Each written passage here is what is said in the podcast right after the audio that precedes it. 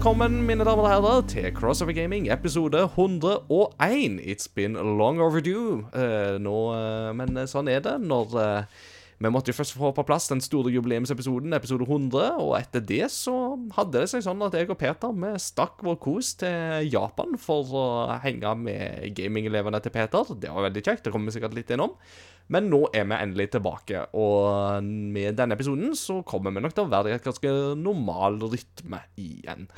Mitt navn er Ingar Takanobu Hauge, og denne gangen så har jeg ikke med meg Peter, for han har vinterferie. Og jeg har ikke med meg Mats Jakob, for han er nok opptatt med et eller annet. Og jeg har ikke med meg Jon Edvard Genius heller, så jeg vet ikke helt hvor han er. Men jeg har fått eh, godt og trivelig besøk, eh, som til tross for eh, mindre illebefinnende klarer å stille opp. Anders Lønning.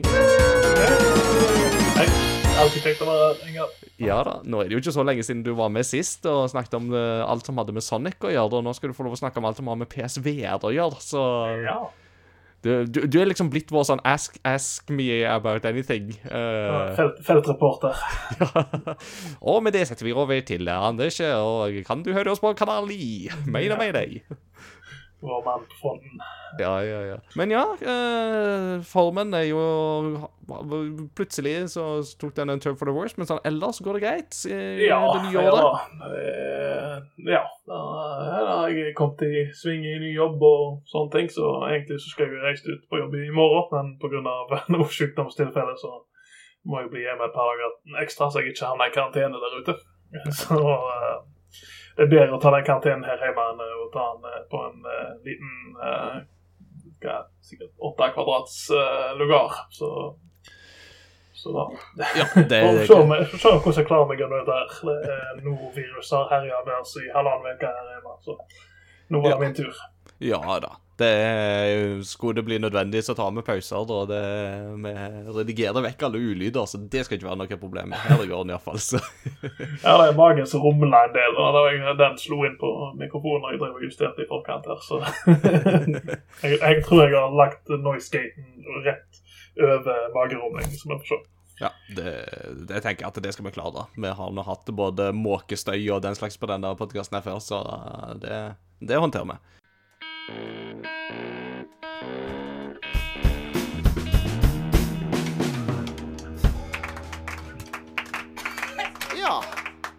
Eh, himmelsk lyd fra ungdommene. Eh, nå er det ukens kunngjøringer. Nå begynner det å bli et par uker siden vi hadde en vanlig episode, så det å liksom på en måte ta hele spekteret av ting som har skjedd, det blir på en måte litt omfattende, så det skal vi ikke gjøre. Så vi prøver å holde oss liksom litt til, til nærmeste fortid. Vi begynner faktisk her i Norge. Eh, Nærmere bestemt så skal vi ganske langt nord i Norge, og det er ikke ofte at eh, Norge og Japan møtes, eh, bortsett fra når jeg åpner kjeften og snakker om alt som har med Japan å gjøre, men det er nå så. Men det har seg sånn at Samerådet har blanda seg litt inn i Final Fantasy den siste tida. Final Fantasy 14, dette online-MMO-et, kom da rett før jul, var det vel, med et kostyme som kaltes for North Attire som da har et ganske tydelig samisk-inspirert preg. Eh, Men Samerådet eh, har da krevd at eh, dette må da fjernes, fordi at dette er da gjort uten deres samtykke, og de mener at det er ikke god representasjon for deres del at dette blir gjort uten at man har en dialog med de om hvordan dette kan gjøres på en passende og god måte. Og da føler de at dette har de nok eierskap til til å kunne si at det ønsker de ikke å ha med. Uh, og jeg vet ikke, Anders, er det noe Final Fantasy 14-spilling der i gården? Eller noen tanker rundt, rundt det? Jeg, har eh, prøvd meg på det lite grann, men jeg, jeg har kompiser som er veldig djupt inni det. Uh, så for min del så jeg, jeg finner liksom ikke tid til MMO-titler eh, på agendaen. Eh, så Final Fantasy det holder jeg meg til singleplayerspiller, hovedsakelig. Ja. Eh, men eh, ja, det, er, altså, det er jo ikke noen tvil når du ser på disse kostymene hvor de har hentet inspirasjonen sin ifra. Eh, og det Samerådet sier, er vel òg at eh, Disney eh, Disney har håndtert det i eh, Frozen-filmene, er jo å ta det i dialog med deg og, og, og gjøre det på en måte som er, eh, viser respekt for kulturen det kommer fra. Uten at det, det, er, det er ikke noe jeg ser ved disse her, eh, eh, North Attire-kostymene, som er akkurat eh, er ødeleggende for samene sitt eh, liksom sin- kultur, eller, eller sånt. Men jeg, eh, jeg forstår hvor de kommer fra. og Mm. Men har sagt også, vi, nordmenn har nok svin på skogen og til samene, så jeg, jeg føler ikke at jeg skal fortelle deg hvordan jeg skal føle om dette. her. Da- nei, nei, det, må de få lov til å finne ut av sjøl. Og, og uh, de eh, setter jo på sterke kropper, sånn sett. Det er jo deres kultur. Mm. Ja da, og jeg er absolutt enig i at uh, dette er um, dette må de få, få kjenne på sjøl, det skal sies. Men det må også samtidig sies at jeg syns egentlig de var litt fine, disse antrekkene. Så det hadde, det hadde jo vært fint hvis de hadde klart å komme til en enighet her. eh, Men det er klart at det er jo et utrent øye som ser på dette her, og jeg skjønner jo det med eierskap. Det, det, det kan jeg forstå, så ja. eh, det, er sånn, det er vel pga. at det kommer fra en offisiell instans som Square Enix. For uh, det var jo folk eh, som lagde sandkofter og, uh, og bunader i Animal Crossing og sånt, men da var det jo da eh, folk som Altså spillere som lager dette av user-generated content, i motsetning til at dette her kommer fra offisielt. og jeg, vet ikke om dette er noe du tar betalt for i spill, eller om du kan Om det er liksom cosmetics du betaler for, eller om det er noe du får i spillet. Det vet jeg ikke. jeg. Tror du betaler for dette separat, faktisk. Så sånn Ja, så sett så er tjener de jo penger på deres bekostning, og da er det jo med en gang et litt mer trøblete bilde.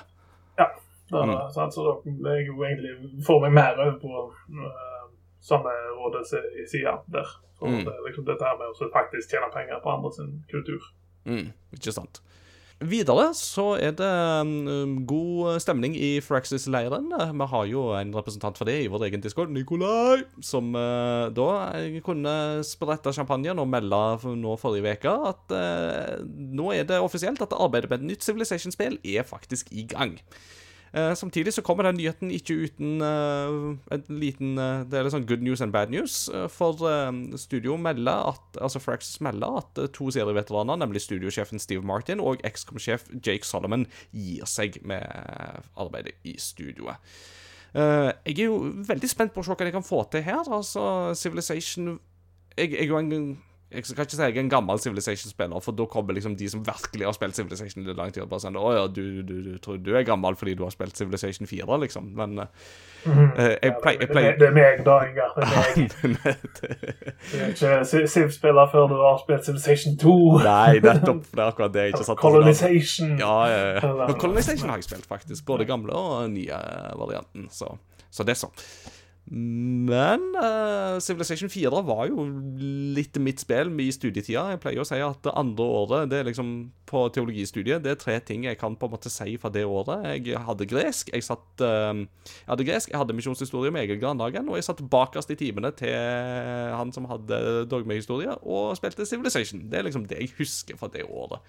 Så ikke sånn veldig god student der, altså. Men eh, Eh, så datt jeg jo litt av med Civ 5, men så fikk Civ 6 fikk meg faktisk litt tilbake igjen. Så jeg tok Jeg følte da begynte de å ta litt sånn riktige steg i riktig retning igjen. Så nå er jeg veldig spent på Civ 7. Og så spørs det om dette blir en sånn Star Trek-greie med liksom annenhver god, annenhver dårlig, eller om det de Ja, altså, å altså- bryte den sirkelen der.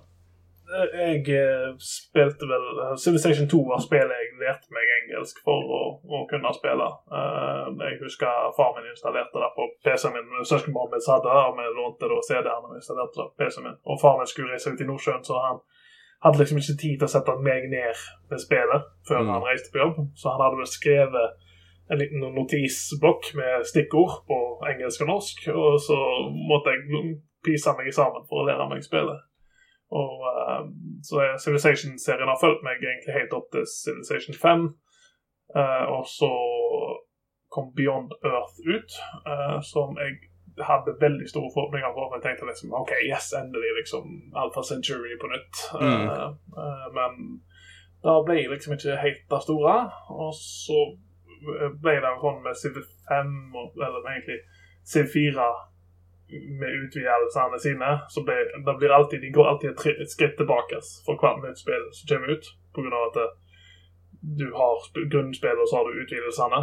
Mm. Og så gjorde jeg det med femmen, så den tok litt tid før jeg likte den. Jeg har vel den en stund 250 timer i Civ 5. Mm.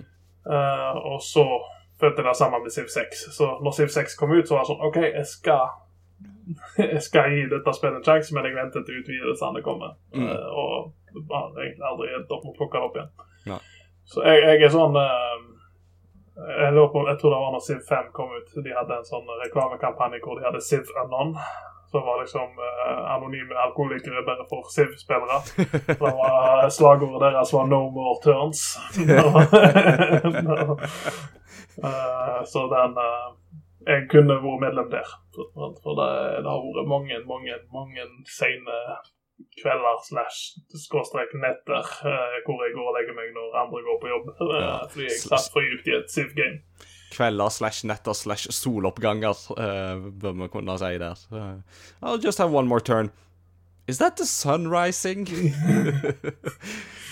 jeg, kom forresten på hva, jeg kom forresten på den tingen som jeg tenkte på i stad, med tanke på Final Fantasy. Fordi at eh, et, et tall som jeg ikke fikk til å gå opp der, var at eh, Samerådets representant mener at eh, dette er da et spill som spilles av 41 millioner spillere.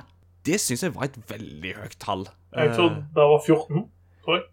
ja, det er liksom nærmere Max har de 14, men det var en nyhet der jeg leste 41, men da kan det hende at det er nyhetsartikkelen som har blota tallene, faktisk. Ja, jeg trodde de forskjellig ikke var råkapte oppe på så høye tall på, på sin peak. Det er sant? Mm. Eh, 14 gir det iallfall mye mer mening enn 41, så Ja, for det er liksom det som har vært jeg, jeg har satt og rota tall sjøl i dag på jobb, så jeg vet veldig godt at det kan skje i farten, så det Skal vi se Dette er fra 2021-tallet og har bare vokst. Men Shadowbringer var vel da når jeg på en måte hørte det mest. Mm. Oi! Jeg vet ikke. Total player basis around 30,04 millioner spillere. Oi! Men da òg inkluderer da alt accounts og inaktive kontoer. Eh, Mm. Så uh, concurrent player base det har, har hatt uh, ganske mange Det er jo uansett ganske mye, med tanke på at det er jo fortsatt Ja. et betal-MMO, dette her, da, altså, men eh, Ja, betal-MMO og utvidelsene er vel betalte Ja. for, eh, for seg sjøl, så ja. Det er, de har hatt eh, noen ganske høye tall. Impressive. Så, Most, ja. most impressive. Så det er vesentlig større enn Warcraft nå, da. Det er det blitt, da, faktisk. Det er meget imponerende. Og de hadde jo De spiste jo um, Warcraft-spillere da et um, Shadowlands, var det det den heter?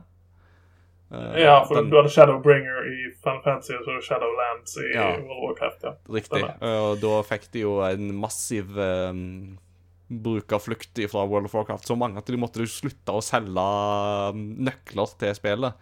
De hadde Mm. ikke plass til flere.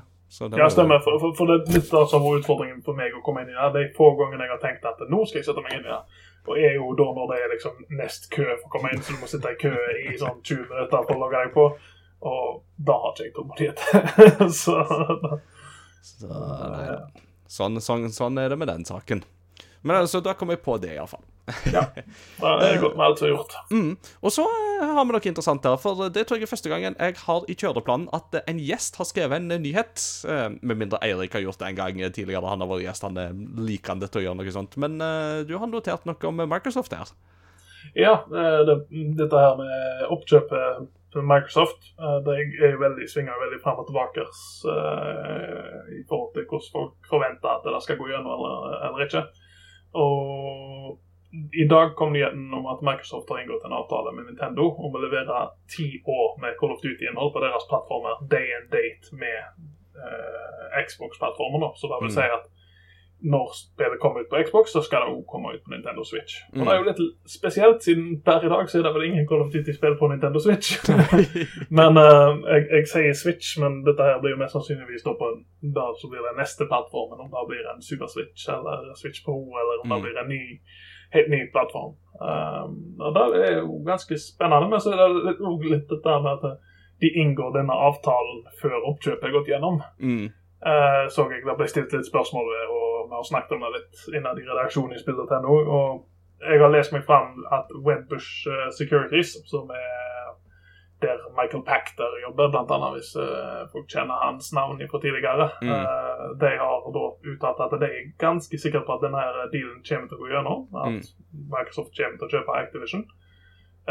Om det skjer med at de selger unna deler av det, eller, eller noe sånt. Men de sier liksom det viktigste steget for at eh, det skal gå gjennom, og det som kommer til å bli, være beroligende for disse kontrollorganene, konkurransetilsynene og sånne ting, vil være at de inngår sånne avtaler som dette her.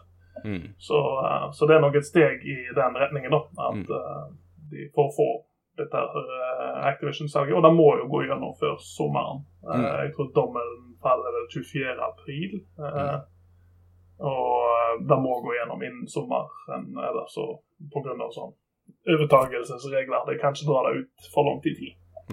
Ikke sant. Det var vel eh, Var det Pactor sitt eh, selskap som snakket noe om 98% sikkerhet, eller noe sånt, at de var såpass Mm. sikre på det. Så Han var òg 98% sikker på VHD, så eh, Det var jo hans, hans store ting om at eh, det kom til å komme en HD-versjon av I1 ut. ja, Han har nå snakka høyt om mangt og mye opp gjennom årene, men han treffer nå av og til, da. Sånn omtrent riktig, iallfall. han, altså, han er jo, han er jo markedsanalytiker. Ja da, ja da. Altså, det, Og, og altså, jeg tenker jo det at eh, når eh, den neste konsollen kommer eh, det, Altså, det, Nintendo må jo se sitt snitt her og kalle det for The Switcheroo. Altså nei, su Super Switch. Nei, nei, nei, det, da skal vi ha en big switcheroo, rett og slett. Det, Så da blir, nå, nå har vi Switch, Ja. Nintendo Switch, og så får vi Nintendo Super Switch, og så får vi Nintendo Switch eh, 128. Eh, og så- og så The Game Kanskje Kanskje var kube denne gangen, vi må finne rectangle, eller The Game Switch Prism. Ja. Switch Prism, prisme. Fordi PlayStation 5 ser ikke stygg ut nok fra før av så, i eh, benken din. Så. Og så kommer til slutt Switch U. Det blir bare den der, eh, den, den der prismen som Sims og har over hodet. Ja. Bare svever over TV-benken. Det er vel i Futurama, tror jeg, at de har Madison Cube Garden. Så Ja, må liksom bare liksom, ta dette her videre og liksom videreutvikle disse her uh, formene i på en måte dimensjoner. Så But we digress. Uh, men Mm. snakk om Nintendo. Uh, nå begynner det å bli et par uker siden, men eh, Eller ei uke eller to siden. Men det er jo ikke så lenge siden Nintendo hadde en Direct-sending. Eh, og nå har jeg jo mm, vært litt sånn eh, ute av det et par uker fordi vi var i Japan. Så jeg har liksom ikke snakka så mye om akkurat den Directen, men jeg tenkte at det kunne jo være gøy å liksom skyte inn noen høydepunkter. Eh, og ja, jeg vet ikke, har du lyst til å trekke fram noe du sitter igjen med etter den eh, Directen? Jeg jeg, husker ikke så mye fra den, eh, for å være helt ærlig. Um, Men det var jo Tears of, Tears of the Kingdom, da. Ja. Som ser ut som uh, Legend of Zelda Nuts and Bolts. Mm. I, eh, med at du bygger kjøretøy, så Ja. kan, kan det se ut som. Ja, du bygger dro... Nei, eh, no, det noe som så ut som en drone. ja. Nei, uh, Tears of the Kingdom er jo selvfølgelig høydepunktet der. Mm. Men uh, de uh, fyrte jo på stortromma med å gi ut uh, Metroid Prime remasteren Yes. eh, de, samme dagen. Ja. Eh, Etter årevis med rykter så ble den shadowdroppa bare sånn ut av det blå. Det var jo imponerende. Med litt skuffende at det bare var det ene spillet, men eh, det er jo lov å håpe at de kommer med flere. eh, ja, det kommer litt an på, tenker jeg, for eh, altså Metroid Prime Du ser på remaster-arbeidet de har lagt i denne her, så er det ikke, det er ikke gjort over natta. Men uh, så er det òg etterspørsel for de to andre like stor som, uh, som dette første spillet. Uh, de er ikke like høyt elska, uh, Metroid Prime 2 og uh, Skal ikke navnet om det er Echoes 3-en. To er Echoes og tre er Corruption. Ja, ok, så Echoes og Corruption De er liksom ikke like satt like høyt som uh, Metroid Prime 1. Så, men for sånn. Men Mm. eh, det, så, jeg tror det har solgt veldig bra. Og for alle snakker om det, og det er jo en remaster som grenser seg til en remake i uh, hvor bra det ser ut. Ja, ja jeg, altså Ut ifra det jeg har sett, og de analysene jeg har operert med, så jeg føler at dette ligger veldig tett opp til det samme som Square Enix gjorde med Crisis Core Final Fantasy 7. Egentlig. At det føles på en måte som et veldig true remake på mange måter, men som der du har veldig mye som er bygd opp igjen fra scratch, eh, og bygd opp fra bunnen av. Som får det til å mm, ligge nesten litt sånn i grensesjiktet, eh, der det er mellom Ja, remaster og remake. sånn som Dead Space-remaken som kom ut. Den uh, har jeg lekt meg litt med. Ja. Uh, det er jo en Altså, jeg spilte gjennom Dead Space 1 for ikke så lenge siden, og når jeg nå begynte på remaken, så det bare Hei, vent litt, dette er jo faktisk bare det samme spillet. Men det, det, det er ikke det da de har lagt til en del der. Mm. De har ikke gjort det i Metroid Prime, det er fortsatt Metroid Prime, Mm. men de, den grafiske overhalinga er såpass vesentlig og uh, løfter opplevelsen såpass mye. Og så har du at du kan styre det med klassisk kontroller, eller med Du kan faktisk spille med GameCube-kontroller hvis du har den, uh, den breakout uh, GameCube-kontroller-greia. Det har jeg Mm. prøvd. Og du kan spille med V-motion-greiene som var med i Metroid Prime Trilogy Mm. på V. Så det, det er liksom den definitive måten å spille Metroid Prime på nå. da. Mm.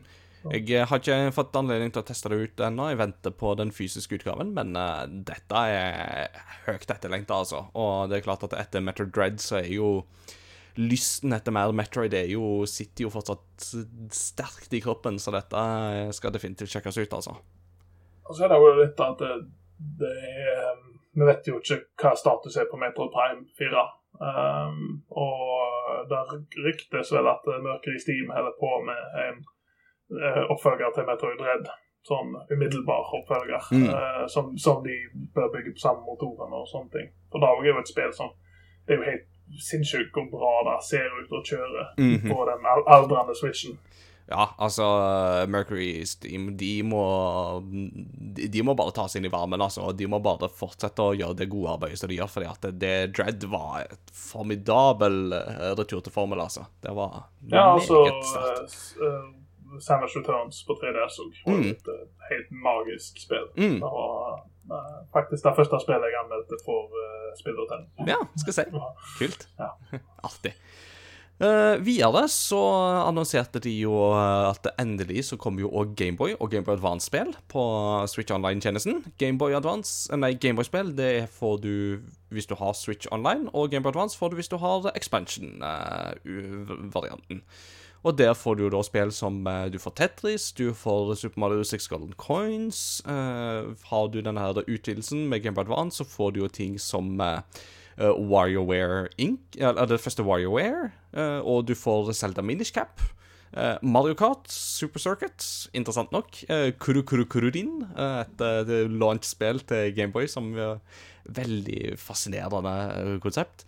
Eh, dette er jo litt sånn Det, det øyner jo, åpner jo opp for eh, en del eh, kule titler som kan eh, komme ut her på sikt. Så ja, personlig, jeg håper jo på um, Golden Sun. Hadde jo vært kjekt hvis flere folk kan oppdage det, sånn at vi endelig kan få et Golden Sun 4, for eksempel. Det hadde jo vært kjekt. Ja, det har jo rykta sist om at skal være på vei, men det er Eller iallfall det har ryktes eller om ønsketenkning, det vet jeg ikke, men det har i hvert fall vært Jeg husker da når det ble annonsert karakterer til Smash, som Mm. var liksom uh, figurer for Golden Sun, var sto rimelig høyt oppe på oddslista fordi at uh, folk forventa at det skulle komme en Golden Sun-remake eller en, en nytt spill. Mm. Har aldri kommet, da. Altså, Så- altså ikke. Dessverre. Og så er det én ting jeg beit meg merke i, og det leder egentlig litt inn i den neste saken som vi har her på, uh, på lista òg, er at uh, ingen Pokémon-spill Nei. på Gameboy eller Gameboy Advance uh, der. Mm. Og nå, med Pokémon Bank og Pokémon Home og 3DS-en som har da dekning for alle spillere fra DS og så 3DS, eh, og nå er den Pokémon-banken der gjort gratis, mm. mener jeg. Eller, eh, så hvis de faktisk klarer å finne en måte eh, å, å, eh, å eh, ta så kunne bruke Pokémon Home i lag med disse emulerte versjonene av eh, av eh, gamle Gameboy Pokémon-spillere og Gameboy Gameboy Advance-spillere, så hadde de faktisk for første gang hatt full dekning. Mm. At du kan ta en Pokémon ifra Gen 1 og hele veien opp Mm. Det, Og da, og da begynner vi jo virkelig å snakke om catch em all igjen, altså, som jo har det i- interessant nok ikke vært Eller om det har vært mulig, så har det iallfall vært temmelig vrient å få til de siste årene. Ja, så er det òg Altså, sønnen min er jo dypt inni det der nå. eh, og det er jo eh, sånne event-Pokémons som du aldri kan få igjen. Mm. liksom, det, det, DNS-en Han han har drevet og spoofa DNS-er og forskjellig sånn for å prøve å, å få tak i disse event-pokémonene. Mm. Eh, Så det, hvis de det og da, Grunnen til at jeg nevner det, er jo at det er jo annonsert en Pokémon Present den 27. februar på Pokémon-dagen. Det stemmer. Og det blir jo spennende å se hva de da disker opp med. Mm. Så vi får se. Uh, videre så annonserte de jo òg Pikmin 4. Det har vi jo for så vidt sett før, men nå har vi jo fått en launch-dato på det. Uh, og vi fikk se eh, både en is-Pikmin og eh, en uh, hundelignende skapning, som så veldig artig ut. Og, og dette spillet kommer jo da i juli, så det blir jo uh, artig. Uh, og så var det én ting som jeg beit meg merke i, og det var det at uh, et studio som ikke har hørt noe fra på en god stund nå, det er Level 5. Og de diska jo plutselig opp med hele tre spill på denne der directen. Så det var vel det var, Jeg kjente at det var egentlig litt kjekt å se at Level 5 lever, faktisk. For at uh, man har jo vært litt Lever jo ingen av spillene på Yokai Watch. Ingen. Ikke sant? det er jo den største overraskelsen Ja. for min del. Nest største overraskelsen var vel kanskje at de kommer med et nytt Professor Layton-spill. Eh, en serie som jo var veldig stor på både DS og 3DS, og som har ligget litt brakk eh, de senere årene. Men nå da endelig returnerer. Eh, de gjenoppliver jo òg Fantasy Life-serien, som jo òg er et eh, spill fra 3DS, som eh, jeg må si var litt sånn overraskende sjarmerende. Det var liksom ikke helt 100% men det var samtidig et sånt spill som jeg tenker tilbake på. bare sånn, Ja, det var kos. Og så hadde du da Det er vel òg de som står bak Decapolis, som da er Hva skal du si? An anime, anime cops are bastards. Ja. ACAB. Det er litt sånn, du, du, du har liksom um, Anime Police, så har du liksom Du har uh, Astral Chain, som er liksom Platinum Games-tilnærminger på det, og så har du her da Level 5-tilnærminger på det, som er ganske Ja, jeg elsker jo Astral Chain, så når jeg så det der, så var jeg hmm, Det er liksom Her har du the other side of the coin. Mm. Men jeg, jeg, jeg sjekka Wikipedia-sida til Level 5. Vi har faktisk enda et spill som skal komme ut i år. Har de det? Ja, Inazuma 11 Victory Road of Heroes på Android, iOS, Nintendo Switch og PlayStation 4. Ja, skal jeg si. Så Inazuma Så- 11 lever òg i beste velgående. Så ja, De har tre spill som skal komme ut i år, og Professor Layton har ikke fått en dato før foreløpig. Nei. Så ja, da er visst uh, de smir godt bort hos Level 5 nå. Ja. Og det er altså de Vi vi snakket om at de ikke hadde sett så veldig mye på dem. De har hatt jevn Altså det er Yokai Watch 4 som er liksom forrige for, forrige siste store spillere Altså var det i, i 2019. Men så har de hatt uh, releaser uh, gjennom hele veien her. Mm. allikevel. Jeg kan ikke huske at det kom et Yokai Watch 4, for å være helt ærlig. Jeg husker Yokai Watch 3, men ikke 4. Kan hende det ikke kom til, til oss. vet du. Det er fort gjort. Den serien ble jo aldri like stor suksess her som uh, det man hadde forventa. Ja, det er kun Japan. Ja. Japan only. Riktig, riktig. Eh, 20. juni 2019 eh, i Japan, og så 5. desember 2019 Mm. Skjønner. Skjønner. Skjønner. det så fikk vi òg se eh, litt mer eh, av um, Bajonetta for løperen Race and the Lost Demon. Et spill som jeg fortsatt ikke vet hva jeg skal tro om, men det skal jo i alle fall testes. Det er Såpass Ja, altså, jeg- Bajonetta-fan jeg, så. Det spillet har en sånn jeg, jeg sliter med sånn det der objects persistence når det kommer til å spille, For hver gang jeg ikke ser på det, så glemmer jeg at det eksisterer. Og så, og så blir jeg minnet på det. Å ja, ja, stemmer. Det kommer sånn Bayonetta-spill. Og så ser jeg vekk, og så har jeg glemt det igjen. Og så ser jeg på skjermen igjen. Nei, det kommer et Bayonetta-spill. Men ja, nei, jeg har mer et interesse for det, så jeg, jeg er spent på å se. For det, det virker veldig annerledes. Mm. Og det virker som liksom out of left field i forhold til hva Platinum har valgt på med i senere tid. Veldig. Eh, og bare det alene tenker jeg er grunn nok til at jeg blir keen på det. Så Ja, ja. Eh, mm, Det er da, da de er mest spennende med sånn som Wonderful 101 og, mm, og sånne ting. De, de kan overraske Platinum. absolutt. Eh, og så fikk vi jo òg, da, etter uh, lang tid, så har jo Advance Wars 1 pluss 2 Reboot Camp fått uh, dato. Det var jo spillet som egentlig skulle komme i fjor, men som jo da ble utsatt etter at Russland bestemte seg for å invadere Ukraina.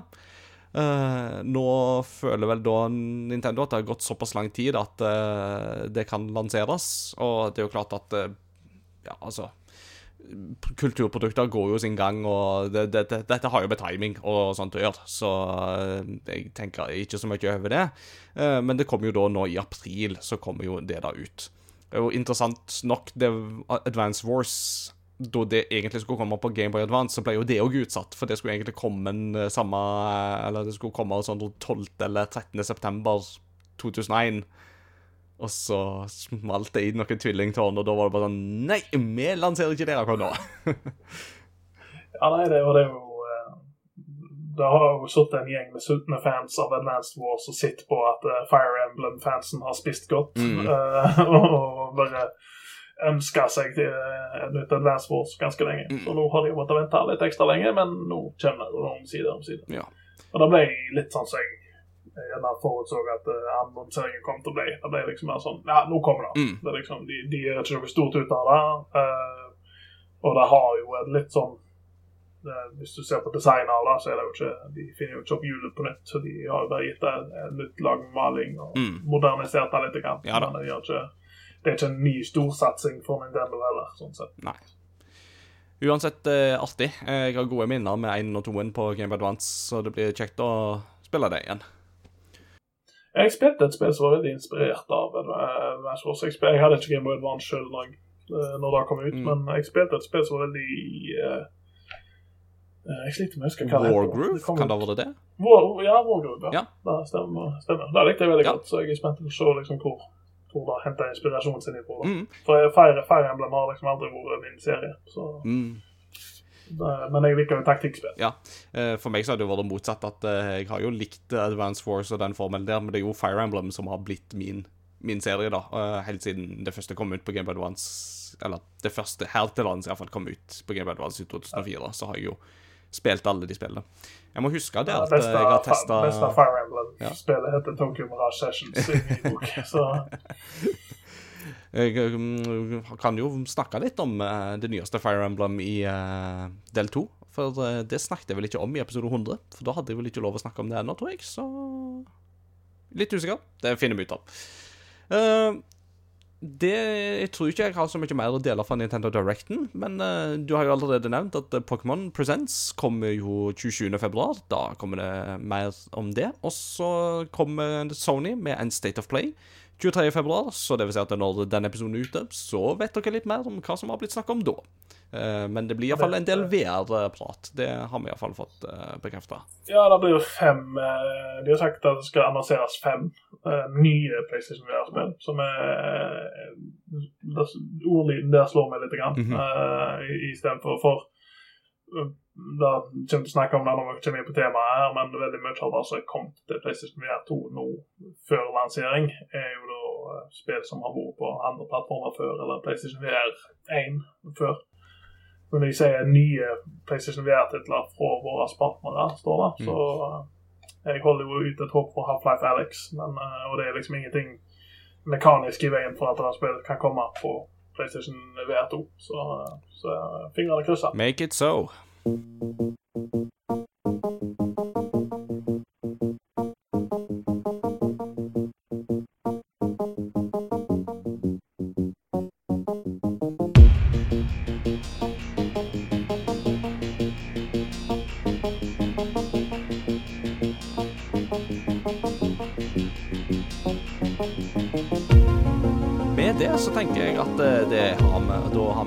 overgang til temadelen, som jo da er PlayStation VR 2.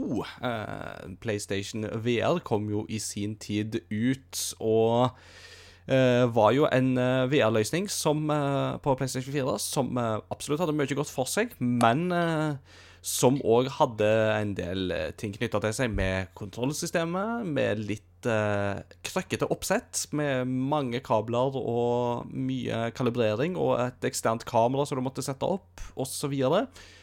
Som nok kanskje gjorde det litt lite brukervennlig eh, for en del spillere, meg sjøl inkludert. Jeg eh, har PlayStation VR og likte egentlig mye ved det, men det ble rett og slett for krøkkete å bruke det mye i lengden.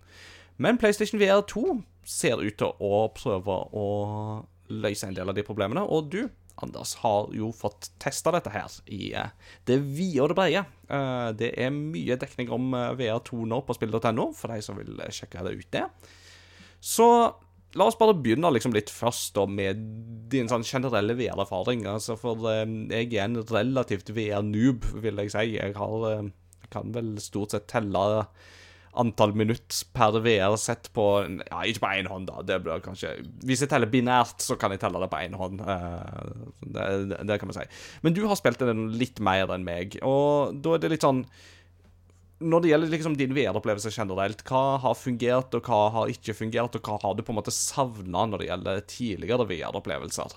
Eh, ja, det er litt vanskelig å vite akkurat hvor jeg skal begynne. For jeg, jeg har liksom prøvd de fleste konfigurasjoner av VR opp gjennom åra. Og det er jo Vi begynner jo nærmest ti år eh, siden VR begynte å bli et uh, produkt som kunne være allemannseie. Og uh, disse uh, jeg husker ikke akkurat hva år det var han, John Carmack sto på QuakeCon og viste fram prototypen til det som senere kom til å bli Oculus Rift. Mm. Uh, men uh, Eller forløperen, da.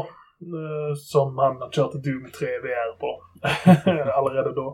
Og Grunnen til at jeg ler av det, er at det er fortsatt en av de beste VR-spillene jeg har spilt. Mm. Um, nei, så, så, jeg har prøvd liksom Google Cardboard sitt, og så for en Eller det må vel være seks år siden nå, så fikk jeg tilsendt en jeg, jeg, prøvde liksom litt av disse forskjellige mobilløsningene. Så var det Google Cardboard, og så hadde de uh, Gear VR, var det Samsung sin. Mm.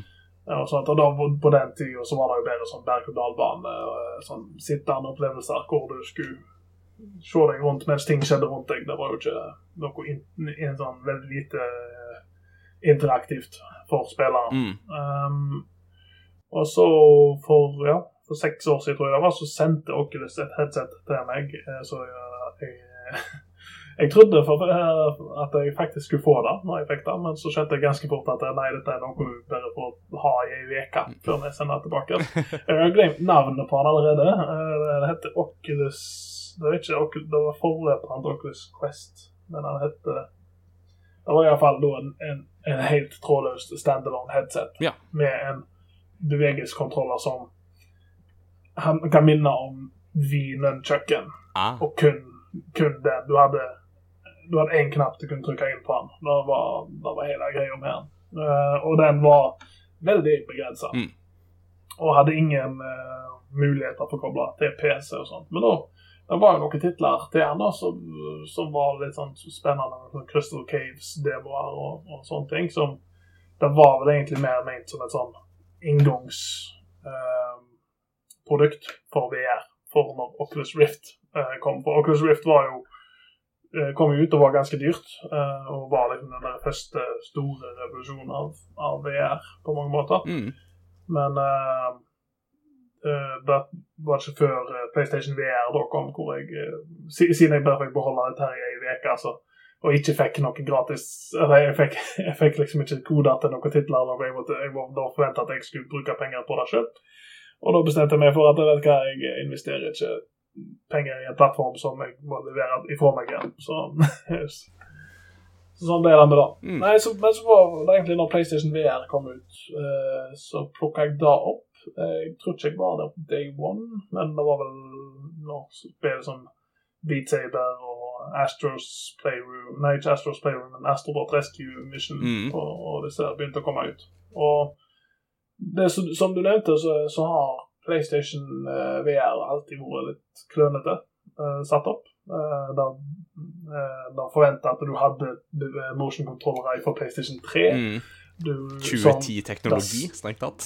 Ja, 2010-teknologi som ble spora av et PlayStation-kamera som hadde liksom For han måtte se lyset, og alle ble, fikk plutselig vite hvorfor PlayStation 4-kontrolleren hadde dette lyset på baksida av kontrolleren. Mm. Og det var liksom Hvis kameraet ikke så den, så ble det feil.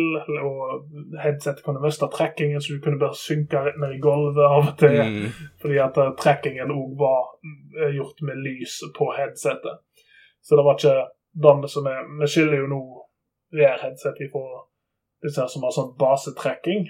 Eh, og så har du da, eh, da vil jeg si utenfra inn-tracking. Mm. Eh, og så har du da sånn som Oculus Quest eh, begynte å komme med, og HTC Vive og, og Valve Index med inside ut-tracking, som da har kamera på headsetet. Mm. Uh, og så PlayStation VR1 drev jo med en ins- eh, u- utsiden inn-tracking som ikke var super uh, på noen slags måte. Og du var jo veldig begrensa fordi at du måtte hele tida ha skuldrene dine retta mot kamera. Mm. For hvis den, hvis jeg slutter å se enten headsetet eller move-kontrollerne, eh, så mister han trackingen på Mm. Og da ble illusjonen brutt ganske med en gang. Så eh, Og så ble det jo ikke noe bedre når det da gikk over på PlayStation 5. Hvor du måtte ha en proprietær dongel for å få det til å virke kamera. og Du måtte ha en kameraoverføring. Og du må sende deg gjennom en boks, sånn at du ikke får HDR. Mm. Det ene, eller du ikke får HDR til TV-en din. Og, ja, det ble veldig rotete å bruke Mm. eh, PlayStation VR1. Uh, og du skjønte at liksom, veldig mye hadde vært en ettertanke. Mm.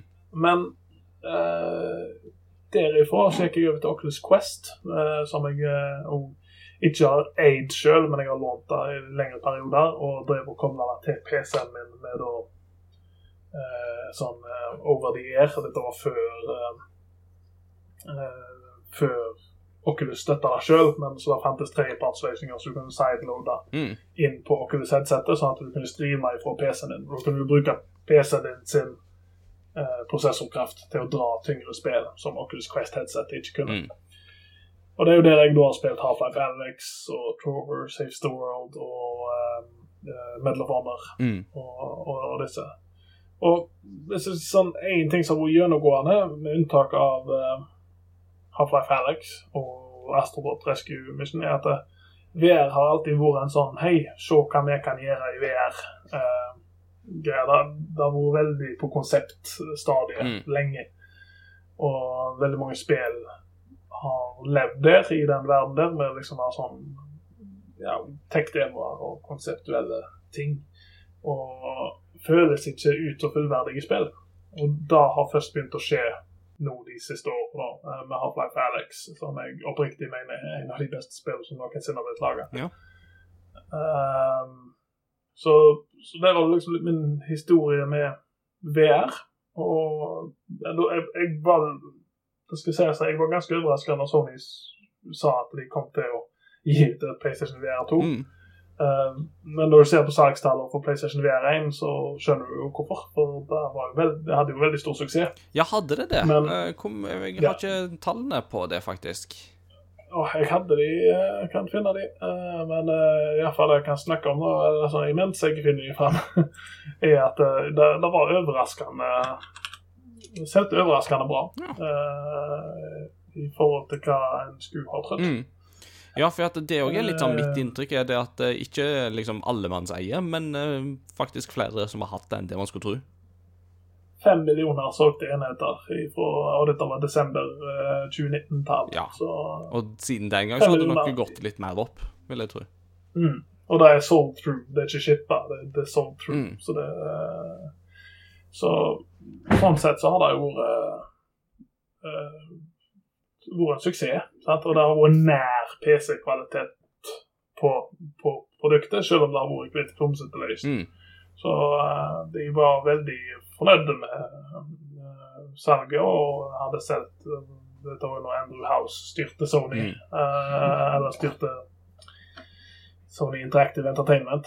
Eh, og de sa at de var For det, PlayStation VR og PlayStation 4 eksisterte selv om det var to produkter som var avhengige av hverandre. Så, så tror jeg de ble behandla som to forskjellige entiteter innad i Sony, Mm. faktisk. Uh, men ja, nei, de uh, har uh, De har sett ganske bra. Det er litt sånn at OK, de kunne prøve, da, og så si at og, og at VR er en, en business PlayStation har lyst til å være i, og det har de sagt flere ganger. Mm. Men så er det da at når PlayStation VR 2 nå kom ut, så møter de egentlig VR på en nedovertrend. Så det, det er litt sånn det, det er en rar tid å slippe et headset på likevel. Men PlayStation 5 har vært ute nå i litt over to år. Mm. Ja. Ja, og um, det har vel tatt tid å, å utvikle dette greiene. Og til den prisen som de lanserer der til nå, eh, så skjønner jeg jo at de kunne ikke lansere den ved siden av konsollen, for da hadde vi fått snakke om en konsoll i eh, 11 000 kroners klassen. Eh, så så nå når folk endelig har klart å betale ned PlayStation 5-en sin, hvis de fikk tak i en på release, så kan de da investere i PlayStation VR 2. Nå, nå er hele verden inne i nedgangstida. La oss slippe et VR-headset som er like dyrt som den der konsollen du aldri fikk tak i. Det, Dyrere. ja. dyrere til ikke sant? Men uh, la oss da pense samtalen over på, på VR2. Um, nå har du sittet med det Jeg vet ikke hvor lenge du har hatt det. Et par uker, kanskje? Eller så? Uh, er? Halvannen uke, altså, ja. ja. Riktig. Så, så fortell oss litt om førsteinntrykk, og da tenker jeg jo på sånne ting som eksempel bare liksom hvordan han kommer innpakka og sånt, men òg da formfaktor, og hvordan det sitter, og bare på en måte hele oppsettet her. Eh, For som vi har vært inne på, VR1 var kronglete å bruke og sette opp, men eh, VR2 virker jo mye mer strømlinjeforma. Ja, da kan du si. Eh, altså Innpakninga er det, det kommer jo i esker som er, er den størrelsen den er, og det inneholder jo da Altså I motsetning til PlayStation VR1 så kommer denne breakout-boksen og uh, headsetet og disse kablene som skulle kobles til og, og strømforsyning og sånne ting, så, så er PlayStation VR2 vesentlig mindre i innpakninga. Det kommer med headsetet, eh, som har da en fast kabel fra headsetet som går til en USB-C, Mhm. som da skal plugges inn i USB-C-porten på fronten av eh, PlayStation VR eh, Nei, på fronten av PlayStation 2. PlayStation 5, beklager. Jeg er sjuk. Uh, PlayStation VR 2, PlayStation 5. Sånn var, Sånn var det, ja. Um, nei, så da fant, fant vi egentlig alltid uh, Da fant vi ut hva den USB-C-en der var til, tenkte uh, og at den eh, kan ikke lenger brukes til dongle. uh, så jeg har brukt til dette Arktis Pro-headsetet mitt. Men mer om det en annen gang. Nei, og det, det er da ikke avhengig av PlayStation-kamera eh, på noen helst måte. Det har, faktisk, det har faktisk ingen samarbeid med verken PlayStation 4-kamera eller PlayStation 5 HD-kamera. Så uh, her er hele pakken i, i ett. Så du har da headsetet, og så har du da to uh, kontrollere som er eh, av den samme utformingen som de fleste andre VR-kontrollere er. Du har da en eh, ja, kontroller på omtrent størrelsen Hvis jeg skal bruke nunchucken eh, til Wien igjen Mm. som eh, målestokk, så er den omtrent på størrelse med den. Den passer akkurat inn i hånda di, og har da en, en gard. eh, tenk en gard på et uh, sverd som beskytter rundt hånda di. Ja, det ser jo egentlig ut som en sånn Og- kordhjalt, egentlig. Ja, det er det. Så på hver av disse kontrollerne så har du ei stikke. Eh, to av face-knappene. På høyre så har du da runding og X, sirkel og X. Og så har du da en, L, en trigger, Mhm. som er da right eh, R2 på den høyre, selvfølgelig. Og så har du R1, som er på da eh, blir vel Sjølve håndtaket, da, kan du si. Ja. ja, han blir på langfingeren Mm. på hvor, hvor du plasserer den. Så, så den eh, I spillet, da, av praktisk betydning, så er dette her at triggeren er jo da selvfølgelig avtrekkeren på våpen, Mm. mens den andre er da gripeknappen Mm. til, til når, du, når du trenger å gripe noe det de tre fingrene. Um, I motsetning eller skal si, eh, hvor, det, hvor han skiller seg ut fra bevegelseskontrollerne til f.eks. Oculus Quest-headseter, så um, Og da spesielt Oculus Quest 1, som er den jeg har prøvd. Så er, det er kapasitive knapper her. Eh, eller sånne induktive knapper som når du legger fingeren din oppå, så detekterer han det, og så har han en og trykk. Men de er ikke analoge. Mm. Eh, Så de har bare en stilling, eller to stillinger av eller på. Uh, Triggerknappen den har eh, den samme typen eh, haptic feedback og eh, motstand som eh, PlayStation, 4 eh, PlayStation 5-kontrolleren har. Så det er ganske stilig. Eh, at det da f.eks. Uh, i skytespill så vil triggeren føles forskjellig i forhold til hva våpen du bruker. og sånn. Mm. Eh, og så har han options-knappen på høyre, og så har du share-knappen på den venstre. Så på den venstre så har du da L1, L2 og trekant og firkant. Ja. Så da, akkurat da kan jeg si at der syns jeg det er litt sånn vanskelig å huske hvem av de som er hvem. Fordi de, det, det føles ikke naturlig ut sånn som en PlayStation-kontroller. Nei. Jeg ville jo trodd at det var X og firkant på den ene og trekant-runding på den andre, men det er bare Her har jeg gjort X-runding på den ene, trekant, firkant på den andre. Uh, de har batteritid på rundt tre og en halv time, eh, har vært min erfaring. Eh, så, så de må lades ganske ofte. Eh, de kom ikke med en ladedokk. Eh, de lades via USBC, så du må liksom ha USBC-kabler liggende plugga til et eller annet som er kraftig nok til å lade dem. Eh, så litt sånn Jeg håper at det kommer eh, en, en dokk Mm. til dem. En tre, trepartsdokk eller noe sånt. Det gjør det nok. Hori holder vel på å lage noe allerede nå. Det kan jeg vel nesten love. Da gjør de nok. Altså selve headsetet Jeg eh, vet at dette er en lydpodkast, men jeg må sitte med det i nevene. Anders bøyer seg ned. Han plukker opp en eh, et headset. Anders viser den for kamera. Han tar den på hodet.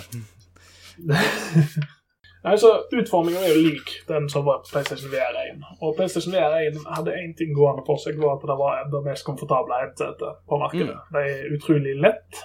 Det, det føles ikke tungt å ha på hodet. Du kan justere det, eh, avstanden til øynene ganske enkelt med ett klikk. Mm. Og med en justerbar eh, sånn eh, slide. Og så har du da en eh, muligheten til å stramme deg bak kant av hodet, og du tar den på deg jeg bare helper, egentlig. At du tar den på på baksiden av hodet, og så trekker du den ned over øynene dine.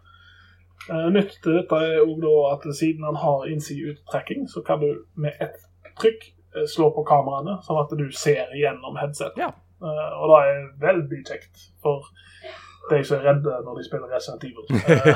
Eh, Nå har ikke jeg spilt Resident Evil ennå, men jeg vet uh, fra erfaring når jeg spilte Resident Evil 7 på PlayStation VR, så måtte jeg med jevne mellomrom, uh, pga. at jeg ble så oppslukt av spillet, ta og justere headsetet litt, sånn at jeg fikk litt lys inn fra sida. så jeg visste at jeg var alene i rommet. Yes, det, det høres litt sånn det kjent ut. Litt sånn som at jeg måtte Jeg har ikke spilt i VR, det tør jeg bare ikke, men bare det å spille um, Resident Evil 7 på PC var liksom sånn at jeg, jeg, jeg lette på den ene øreklokka, sånn at jeg liksom bare hadde liksom li, bare litt lyd som kom igjennom, men ikke alt, sånn at jeg fortsatt kan eh, Da føler jeg meg ikke så isolert. Eh. Men vi vet jo alle at uh, Resident Evil VR Village vil jo selge i bøtter og spann bare fordi at folk vil jo uh, se Lady Demetresk i VR. Uh, så det, det, dette må du jo bare på en måte selge for alt det er verd. Ja, altså, jeg, eh, jeg spilte faktisk litt grann Resident Evil Village i dag på at de har oppdatert det for VR, men de har ikke lagt inn VR-innholdet ennå. Så, så han kjente igjen headsetet mitt og sa hei, du, du kan ikke For da, du, da kan du ikke spille med disse uh, DualSense uh, move-kontrollerne. Uh, da er et eh, vanlig kontrollerspill, så du spiller med DualSense-kontrollene, ikke Ja, move-kontrolleren. ok, riktig. I, i, I likhet med Resident Evil 7 Mm. Biohazard. Um, headsetet har òg en 3,5 mm jack, Mm. som gjør at du kan plugge i ditt eget headset hvis du vil. Uh, per nå har jeg ikke syntes det har vært uh, Utformingen er jo lik PlayStation VR1, så hvis du hadde et headset som fungerte med PlayStation VR1, så vil, vil det fungere her Mm. òg. Men uh, lyden er så god i disse her uh, pluggene, ørepluggene som kommer med, at jeg har ikke sett noe behov for å gjøre det. Nei. Så uh, foreløpig så du får denne stereoskopien, eller nei, ikke stereoskopien, du får stereo-lyden inn med, med disse her, og det, det føles ut som du kan, du kan trekke hvor lyden kommer fra i spillet. Kult. Eh, ja, da var det. Altså, ja. Eh, når du plugger headsetet i, når headsetet står i til vanlig, så er det i eh, eh, det, det er jo powera via denne USB-C-en. Du trenger ikke en egen ekstern power. Men det slår seg ikke på automatisk. Det bare eh, lyser opp en rød diode som sier at eh, jeg får power, og du kan trykke på den, og da starter den.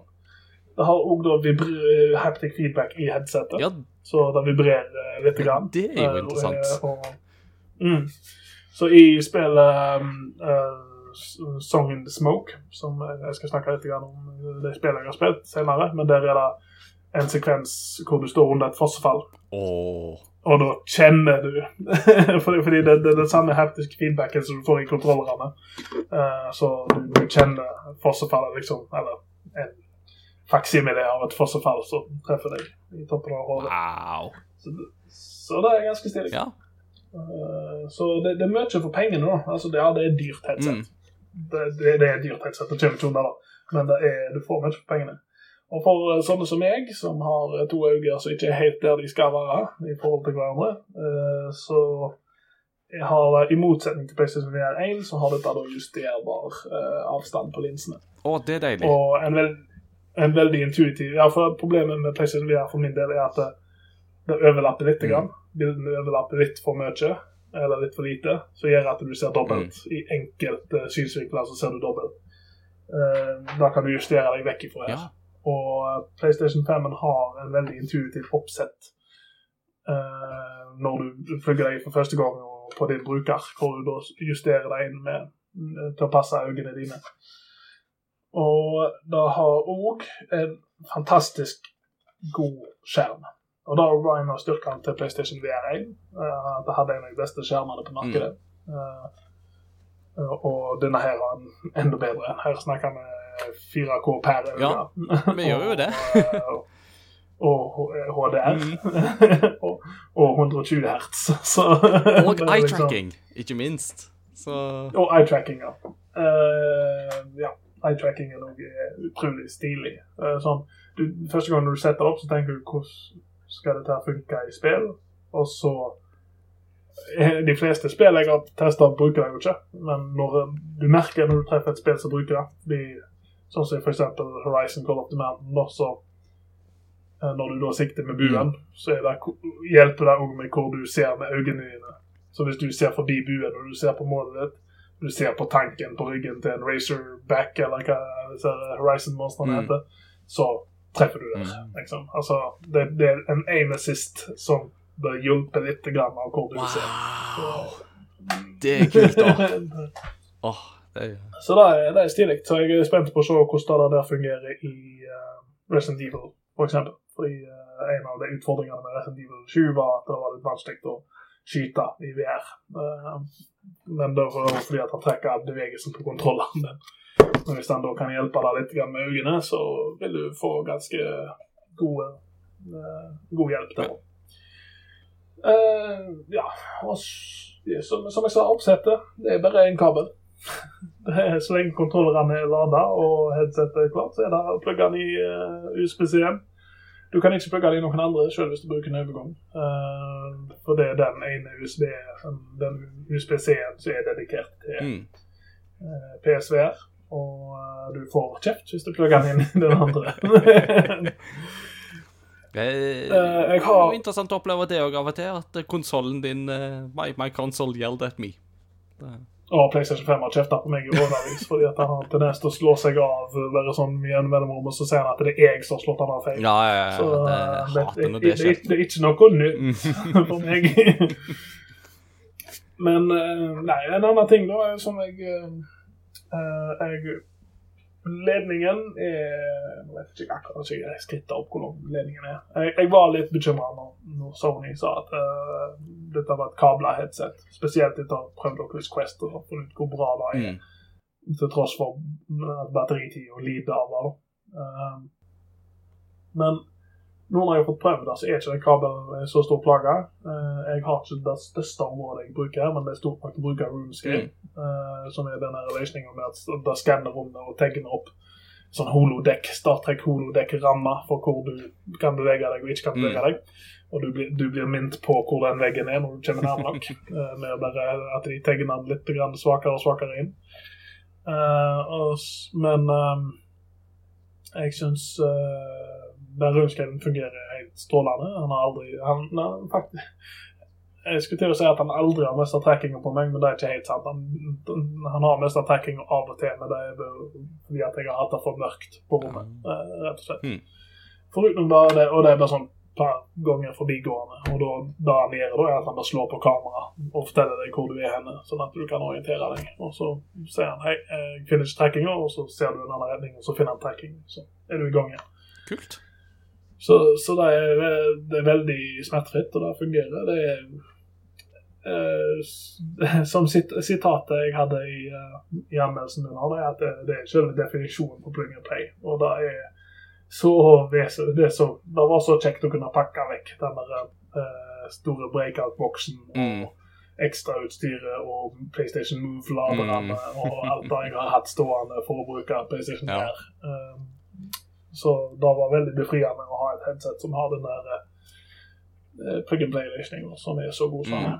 så det, det, det, høres jo veldig ut som den der eh, det, Altså, dette høres jo ut som det jeg egentlig har lyst til at VR skal være. Uh, med, med, med, med altså spennende teknologi og gode løsninger på på, på, på, på, brillene og Som du sier, ikke sant? Altså, at det er enkelt å bruke. Alle disse tingene her er jo ting som jeg kjenner jo at dette er veldig forlokkende, uh, og har jo veldig lyst til å bryte ut i dette her sjøl. Men det er jo denne her prislappen, da, uh, som vi jo har vært litt inne på. Ja det, er et, det er et premiumprodukt, mm. sånn, men du, du, ser, du ser jo hvor pengene har gått. Mm. Uh, det, er ikke, det er ikke noe skvip noe av det. Jeg, jeg syns byggkvaliteten var litt sånn med en gang jeg tok det ut av pakken. Så tenkte jeg hm, dette føltes litt lett og litt billig ut i forhold til det forrige. Mm. Men så når jeg hadde de side ved siden av, av meg, og jeg drev og bytta litt fram og tilbake, så innså jeg egentlig at nei, byggkvaliteten er faktisk den samme. Og da at den er lett, er jo en fordel. Mm. Uh, og det er ikke det er ikke noe løst hvis du rister på den. For det, er sånn, det alt uh, føles solid laga.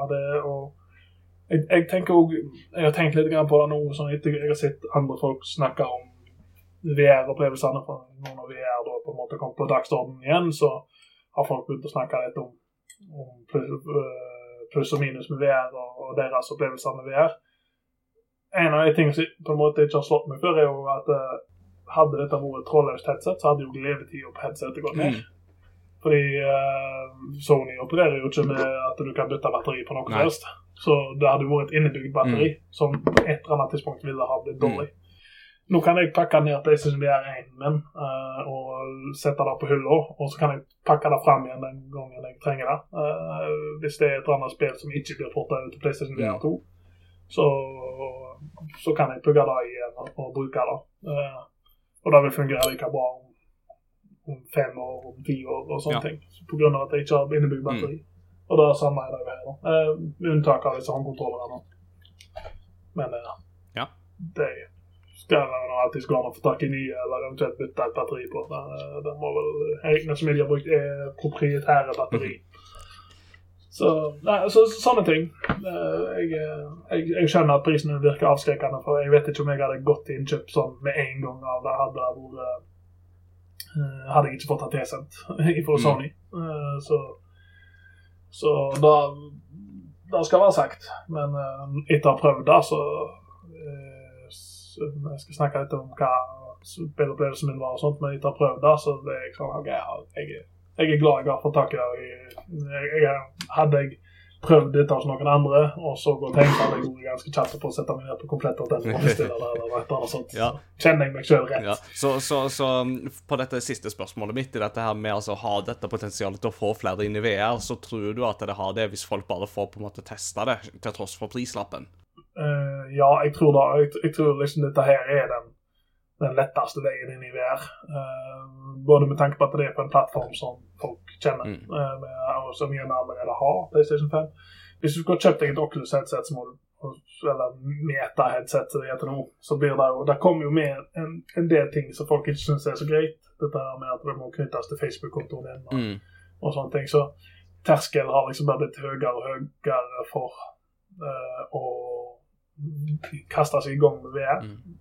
og prisen er jo sikkert avskrekkende, og prisen vil nok være avskrekkende for mange, men hvis de kan få ned prisen på det på sikt, mm. eller uh, gjøre andre grep, uh, Sony, at Sony kan selge det med tap på sikt, kanskje, mm. eller, eller uh, ja, sånt. Så jeg, jeg, tror dette er headsetet som kan få folk inn i VR.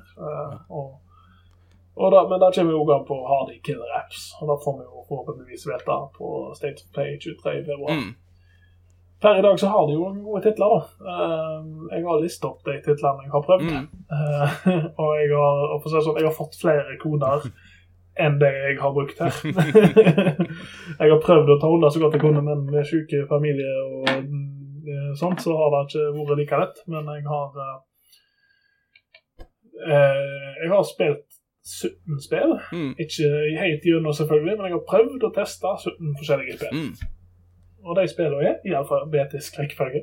Cave Digger 2, Dig Harder. Uh, Demio Mm. uh, jeg, vet, jeg er litt usikker på hvordan det Demio eller det er Demio, ja. eh, Demio, som er et sånn OK, men jeg kan ta det og en. Cave Digger 2 er et slags uh, roguelite eh, spill hvor du driver og graver. Det, det er SteamWorld Dig. Ja. det er SteamWorld Dig i VR, basically. Yes. Du går ned i sjakt og får gull og grønn smaragd, og så kjøper du deg ting og bygger deg ting og sånne ting når du er oppe på overflaten. Veldig stilig. Har bare fått prøvd det litt. Grann. Jeg er spent på å prøve mer, spesielt fordi du får en revolver som du har på hofta, så du kan trekke opp og skyte disse eh, edelsteinene ut av veggen når du er lei av å stå med pickaxene. Og du får TNT og forskjellig. Kos deg. Demio er et rollespill, som sånn, eh, egentlig så tabletop-rollespill, Mm. hvor du sitter rundt et bord, eh, og du kan spille med andre eh, over nettet. eh, hvor Tenk Tenk et tabletop-rollespill, men hvis ikke du kan tenke deg det, så er det Borderskate, Mm. liksom, eller sånne ting. Men eh, det er da du kjører gjennom kampanjer som består av tre nivåer, eh, hvor du da velger din karakter, som er da seks forskjellige fancy classes, eh, som ikke er copyrighta av eh, Wizards of the Coast. Eh, og du, du tar deg gjennom en, et dungeon, da. Eh, og du får Og det, og det blander inn litt sånn kort og litt sånn forskjellig. Så er det stilig. Jeg har lyst til å prøve det mer. Har ikke fått prøvd det så veldig mye, men jeg har prøvd det litt. Og liker konseptet. I headsetet fungerer det strålende. Jeg vil tro det er enda kulere hvis du får med deg kompiser som spiller det. Mm. Eller, eh, eller folk randoms på nett òg. Det har en egen Discord-community som du kan eh, teame opp på. Kult. Stilig. Eh, en av de store trekkplastene, Gran Turismo 7, Mhm. eh, da er kanskje Altså, du, du har to store trekkplasser her. Du har Gran Turismo 7 og du har Horizon Call of the Mountain, som er Sony sine first party. Og jeg eh, Da kom ut i dag, den oppdateringen for Grand Turismo 7. Og den er akkurat sånn som du skulle ønske den var. På alle måter. Eh, ja, han tar ikke vekk den der pompøse og eh, framstillinga og progresjonen og sånne ting. Og alt utenom når du er i løp, er bare det samme grensesnittet som du har på PC-en, bare i kinoformat når du har headsetet på. Men med en gang uh, du starter et løp, så setter du inn i bilen. Og jeg kjørte en BMW i det spillet, hvor jeg ser på midtkonsollen og tenker jeg har, jeg har hatt denne bilen. altså, Han var helt lik den BMW-en jeg hadde inni. Oh, det er så jeg- fint. Oh.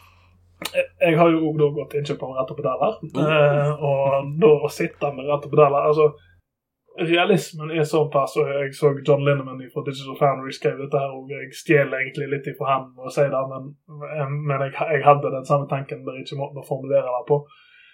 Når jeg strekker nevene mine frem til hvor rattet står i spillet, eh, eller i, på pulten min, så er det samme høyden eh, som rattet i, i spillet. Mm. Og Det er ikke pga. at headsetet gjør noe arbeid, eller noe sånt, det er bare fordi jeg har justert inn hvor jeg sitter i forhold til. Men det føltes litt rart ut når nevene mine da gikk forbi rattet, siden dette rattet på dallene mine litt mindre enn det store rattet som er i bilen. Men det forteller litt om hvor det på realismen av selger deg. Og det har enkelte Altså, alt fungerer jo. Speilene på bilen fungerer. Eh, liksom Bakrutespeilet og sidespeilene fungerer. Eh, Og ja, når du svinger og sånt på rattpedalene dine, så gjør de jo det i spillet òg.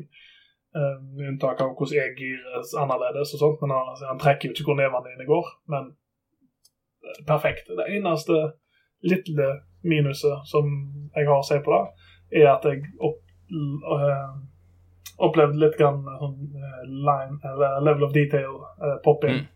Altså at ting har en et level of detail og det er på avstand, og etter hvert som du kommer nærmere, så driver det oppdaterer seg. og Du ser det litt sånn av og til. Men det er det som er ute i periferien, ikke det som skjer på veien, og ikke de andre bilene. Og sånne ting. Så det, du, du må se etter det for å legge merke til det. på en måte. Uh, og det er jo litt av jobben med, med å teste dette her. Uh, den neste, Horizon of Mountain. Anmeldelsen ligger på spill.no. Mm. Kunne ikke gi karakter pga. Uh, nettsida vår har litt problemer, men hadde jeg skulle gitt karakter på det, så er det en fem av fem. Ja, det er såpass, altså. Uh, ja, det er mitt favoritt-Horizon-spill. Ja. Og det er jo interessant, for du noterer jo i anmeldelsen at du har jo ikke helt falt for Horizon på samme måte som f.eks. jeg har tidligere. Ja, nei, uh, Horizon har vært en litt sånn rar serie for meg. Uh, jeg liker veldig mye av det, men det er òg en del ting jeg ikke liker med det. Og så har de jo ikke akkurat fått den beste dealen i verden, med tanke på at Breath of the Wild og Elden Ring ble sluppet They can't catch a break. etter henholdsvis uh, Zero Dawn og Forbidden West. Mm. Men nei, jeg, jeg syns det blir litt for mye busy work. Jeg syns den open world-greiene er litt, uh, litt for likt Far Cry og Assassin's Creed uh, til min, for min smak. Uh, og ja, jeg syns litt av historien Jeg syns historien er god og interessant, og sånne ting, men det dette er litt sånn teknomessias-aspektet. Jeg foretrekker i spillet at du er litt mer anonym. Du er ikke, du er ikke sent i plassert i sentrum av historien. Mm. Og det er egentlig akkurat det Horizon tilbyr. Eh, fordi liksom i Horizon så måtte du veksle mellom sci-fi-historien og fortelle oss den her eh, politikken i den her verden som er liksom eh, disse borgerkrigene og hvem som skal sitte ved makta og sånne Mm. Så du har de, de folka som lever i denne verden, og så har du de som skapte denne verden. Det er liksom disse to historiene i Horizon som blir fortalt parallelt med hverandre. Og her, her kutter de bare ut alt dette her eh, liksom før postapokalypsen. Her er det en historie som handler om folk som lever i denne verden. Og, eh, eh, og en sånn borgerkrig-konflikt, på en måte. Og, resultatet av det. Hvem, hvem skriver historiebøkene og, og sånt. Så veldig kul historie. Og ja, det grenser seg litt til tech-demo, fordi at spillet har veldig lyst å vise deg alt det kan gjøre. Men når du klarer å se forbi det og ser hvor mye arbeid som Guerrilla Games og Firesprite har lagt ned i dette spillet for virkelig selge deg på ideen av at du er i denne verden, og du begynner å gjøre ting instinktivt istedenfor å eh, ah, 'Nå må jeg gjøre det, nå må jeg gjøre det, nå må jeg gjøre det', da det, det, er liksom, det er den konklusjonen jeg har kommet til, og det var egentlig konklusjonen jeg kom til med Half-Life Alex. Og at eh, et spill trenger ikke selge deg på eh, at uh, dette er nett som i det virkelige liv, liksom, hele tida. Uh, du, må selge deg på at eh, du er i, inne i denne verden som spillet fremstiller. Mm. Og i Half-Life Alex så klarte Valve det helt perfekt. Det føltes ut som å tre inn i uh, City 13-verden, liksom, eller den uh, Half-Life-verden. Og det samme er det her. Du føles med en gang ut som en del av Horizon-verden. Og, uh, og, du ser hele verden leve rundt deg, dyr og roboter og det ene og det andre. Og det begynte på veldig mange flere opplevelser enn det jeg trodde når jeg så det. For jeg trodde det kjøttet blir klatring og slåssing, og det er that's it. Men det har en del utforskning, det har en del uh, stealth-segmenter her og der, litt crafting og litt sånne ting. Litt småtteri her og der. Og òg da at de har overført dette kampsystemet én til én. Uh, nesten. Sweet. Eller sånn. Det er litt rart løst, men du skjønner jo da at du, Når du spiller, så skjønner du at du kunne ikke ha gjort det på så veldig mange andre måter enn den måten de har løst det på. Mm. Og med dette så har de lagt et rammeverk for, uh, for hvordan Sony kan porte andre spill fra katalogen sin over til VR. Eller ikke porte, men lage VR-spin-offs-titler. da. For eksempel, jeg kunne gått hjem i Killzone eh, VR. Ja. Det hadde vært Det veldig er jo lov å hoppe. Ja. Uh, nå skal jeg bare fort gå gjennom de andre, for jeg snakket veldig mye om det. så Det første spillet jeg fikk kode til, var Jurassic World Aftermath Collection. Det er et uh, det, det kom vel først ut på Oculus, uh, og det er Tenk Alien Isolation bare i Jurassic Park. Uh, jeg er ikke sånn superglad i artstylen de har valgt å gå for, men det, det var et kult spill. Liksom, du sniker deg rundt og du blir jakta på av uh, raptorer og forskjellige sånne ting, på, og du besøker jo denne parken det er sånn mottakssenter og sånne ting på Jurassic Park-filmer. Mm. Uh, Kajakk Mirage er et kajakkingspill. Uh, hvor du ror i en kajakk. uh, og da spillet ser helt nydelig ut. Eh, en av plassene du kan besøke, er faktisk Bjørnøya. Ja. Eh, og du da kan ro rundt et eh, lighthouse. Du kan gjøre free roma, eller du kan gjøre race, eller en guidet tur som tar deg til forskjellige punkter i spillet som spiller lyst til å vise deg. Og så er det faktisk en del hemmeligheter og sånne ting. Så det er stilig å få med seg. En av de visuelt mest imponerende spillene jeg har spilt. Så, Kult. Eh, så kommer det litt på slag i slag her med PlayStation VR 1-titler som nå er porta Mm. over. Moss og Moss 2, eh, som er en sånn eh, en sittende VR-opplevelse hvor du ser over et sånt diorama av en verden, hvor du da guider ei mus gjennom en mus med sverd. Så det er litt sånn litt Zelda-aktig. Veldig artig. ja. Kjekt uh, spill. Uh, Kjekke spill, begge to. Res Infinite uh, er jo da Res fra uh, Dreamcast. Eh, nå endelig porta Eller da ble porta PlayStation VR, eh, og PlayStation 4 og PlayStation VR. Og eh, fikk den her Area X-modusen, da, som er, er den så unike her da, til, til VR-modusen. Ser utrolig bra ut i, eh, den, på denne nye skjermen. Det, det, Og da var liksom veldig, veldig godt gjengitt, og musikken pulser deg i øynene, og det er jo dette hele konseptet med synestesi, som eh, at du kan se lydene. Og for, og for de som jo da hører på, som eh, ikke husker Ress og Lumines og den slags ting, så er det jo verdt å nevne at dette er jo de som senere lagde Tetris-effekt. Som du kanskje har et forhold til. Ja, ja. Eh, så bare tenk liksom Dette er der du på en måte Det, det er der dette begynte. Den effekten du har i Tetris. Ja, og så er det òg ja, Hvis folk eh, spilte Kinect, så var det jo et, eh, var det en oppfølger der òg, eller en sånn åndelig oppfølger som heter Child of Eden, Stemmer. som òg var, var samme konsept som Res. Det kom jo på PlayStation 3 òg etter hvert. Det var der jeg spilte Ja, det. stemmer det. Ja, med, med move-kontroller.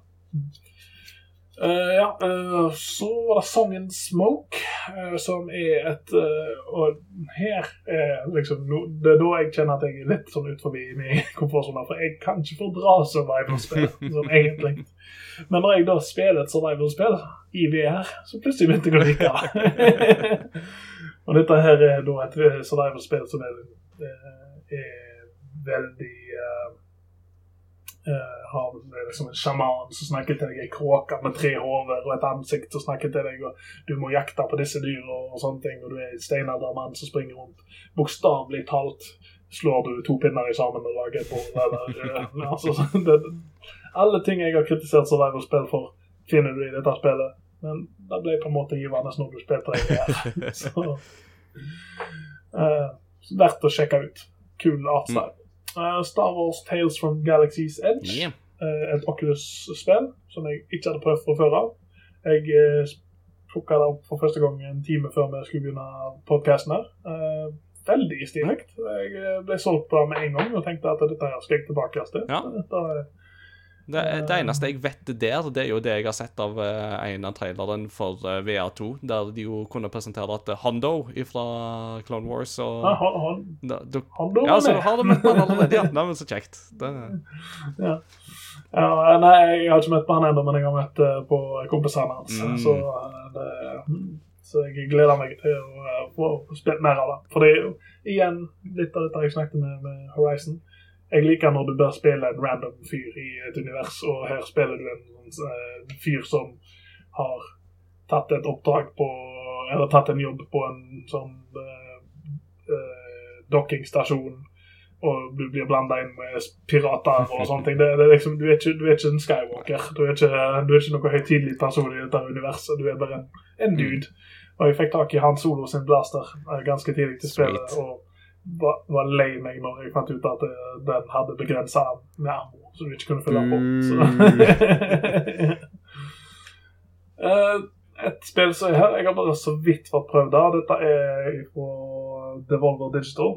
Uh, Iallfall de står som utgiver. Og da kan du allerede tenke deg hva slags type spill det er. At det er litt Mm. sært. Og det er Tentacular. Og så da, eh, Spillet krasja dessverre litt grann ut i spilling og, og på samme punkt to-tre ganger. og Da måtte jeg bare legge ifra meg og gå videre. Eh, men du eh, Spillet begynner med at du, du er en stor oktopus. Du har armene dine i spillet er to svære oktopusarmer. Og hvor søstera di, som da er et menneske, kommer ut og forteller deg at du er adoptert. og du har ikke visst dette fra før av. at du ikke er menneske. dette er Kung Fu Panda 2 all over again. Du er rimelig fort fortalt at eh, du er ikke, og så kommer staten og skal hente deg og uh, etter deg. Altså. Det, det er tydelig at det er sånn Godzilla kaiju-greier, at du kan plukke opp ting og kaste dem rundt eh, etter hvert. Litt sånn Octopath, eller Octodad-følelse over det humoren i spillet. Octopath Traveler får plutselig en helt annen eh, betydning. Ja, hey, Octodad. Men det. Um, så, som du nevnte, eh, Tetris Effect òg er Ja. kommet til PlayStation VR 2. Uh, fortsatt det beste Tetris-spillet som noensinne er lagd, spør du meg. Um, og jeg har sånt, Da det, er det en av de spillene hvor jeg sleit med å legge ifra meg. Fordi jeg kunne bare sitte meg i denne stolen her og legge meg bakover, ha VR-headsetet på, der stirre rett opp i taket, ha kontrollene i neven og, og, og spille Det, Tetris. jeg ser for meg at det må være en hypnotisk opplevelse når du får haptic feedback på toppen av det hele. er magisk. Uh, eneste jeg kan si, er at uh, disse her eh, PlayStation du- eller DualSense Move-kontrollerne litt vanskelig å uh, line opp. Uh, når, når, spill, når det begynner å bli ganske travelt i Tetris, så har du lyst på en kontroller som er rimelig eh, registrerer bevegelsene dine. Så når du skal harddroppe ting, så har du lyst til at den definerer der du hadde tenkt den skulle definere. Mm. Derfor foretrekker jeg å spille den på en dual sense-kontroller. eh, hvor du kan bruke D-pad istedenfor. For disse har jo bedre analogstikker, så blir det litt for unøyaktig for min del. Viktig. The Last Clockwinder. Uh, jeg har ikke fått prøvd det ellers veldig mye, det krasja, men det er et uh, spill hvor du uh, du, det er et puzzlespill. Hele spillet er et puzzlespill, men du programmerer bevegelsene til roboter som du Du holder inn en knapp, og så gjør du en bevegelse, og så når du slipper knappen, så står det en robot der som gjør den bevegelsen i det tempoet som du gjorde det. Og så må du line deg opp med forskjellige tasks da, for å få få løst deg gjennom puzzles. Så det blir litt sånn som The Witness og litt ah, har en veldig sjarm over seg. Og virker til å fortelle en veldig fin historie. Så ut litt live jeg. Neste spill er et PlayStation-spill jeg spilte først på PlayStation VR1, Thumper. Og du snakket om uh, spill som uh, det blir hypnotisk. Uh, Thumper er rhythm violence made flesh. uh, er vel tagline fra det spillet. Det er sånn rytmespill. Du kjører ned gjennom en bane. Du har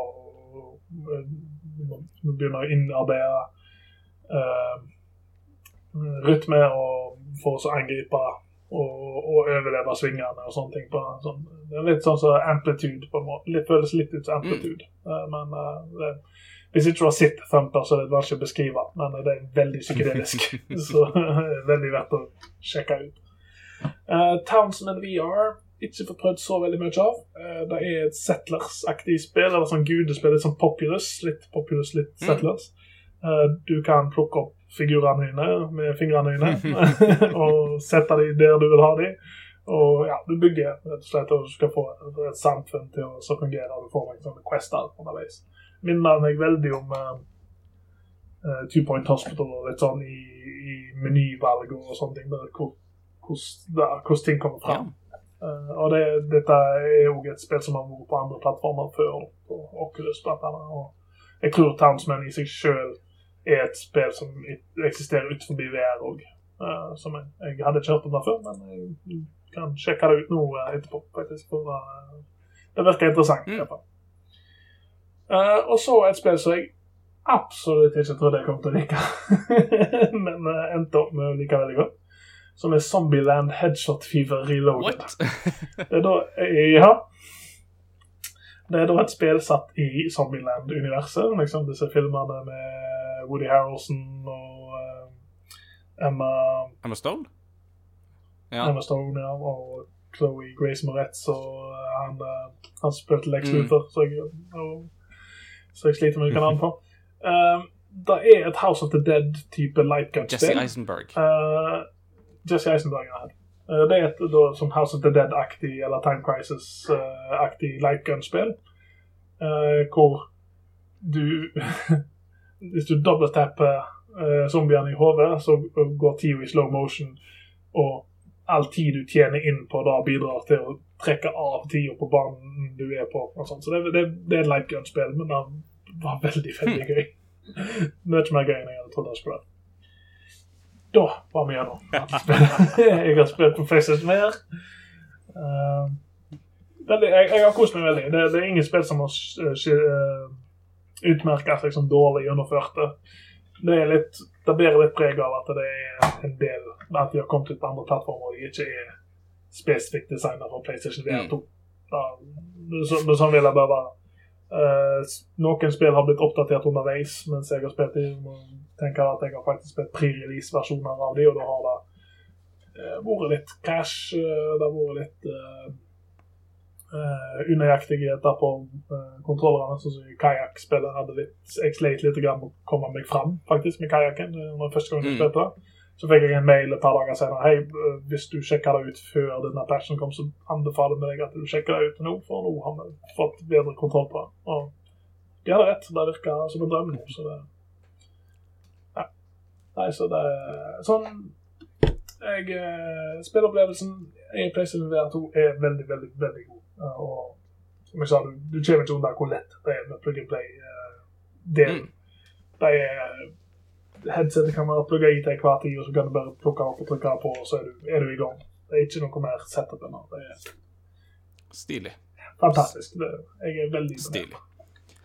Da har vi fått det vi kan få ut om eh, VR2 eh, i denne omgang. Virker veldig lovende. Eh, og ja, det hadde vært veldig gøy hvis jeg hadde klart å plukke opp noe sånt i løpet av eh, året. Det, vi får se hvordan eh, pris og økonomi og sånt utvikler seg i løpet av året som går, så kan hende det blir noen flere inntrykk av det eh, etter hvert. Vi tar en liten pause. Etter pausen så skal vi snakke litt mer om hva skal vi si, vanlige spill i hermetegn, men vi skal òg høre litt om hva lytterne våre syns om VR, og om de syns det er et yay eller et nei.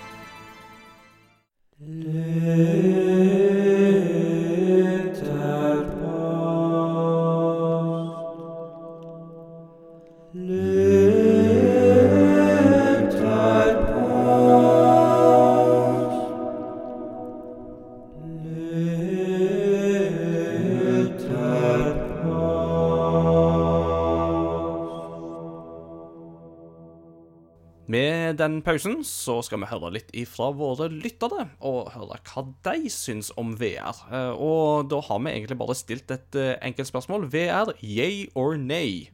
Og som de sier i Robin Hood Men in Tights, which one means yes? Yay. Yay! Eh, Så VR er jo en ting som mange har litt sånn Noen får ikke til å bruke det i det hele tatt, og noen syns det er kjempegøy, så da blir det jo litt interessant å se hva de syns her.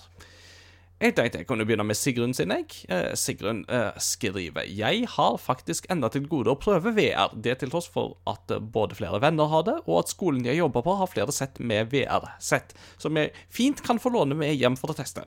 Jeg har bare aldri prioritert det. Jeg har sett mye kult med VR spilt av ulike streamere, og det er mye av det som er gøy som kommer av plattformen i seg selv. Man kan interagere med verden på en helt annen måte, noe som åpner opp morsomme vitser for streamere. Det hjelper jo også om en har et kamera som viser hvor teit man ser ut når man vingler og veiver rundt, for det er jo bare plusspoeng for underholdning. Samtidig vil jeg sammenligne VR med diverse motion control-tilbehør som vi har fått de siste 15 årene. For nisjen med spill som blir bedre av det, så fungerer det veldig bra. Der man i motsetning forsøker å skyve det inn når det ikke passer, da er det mer frustrasjonsmoment. Jeg tenker f.eks. på Wii med Wii Sports, som er en flott og underholdende opplevelse, kontra Wii og Dragon Ball-spill, hvor å slå var lagt til veiv så mye du kan med begge kontrollene. Så jeg ville ikke vært spesielt bekymra for at VR skal ta over spillmarkedet, for å si det sånn.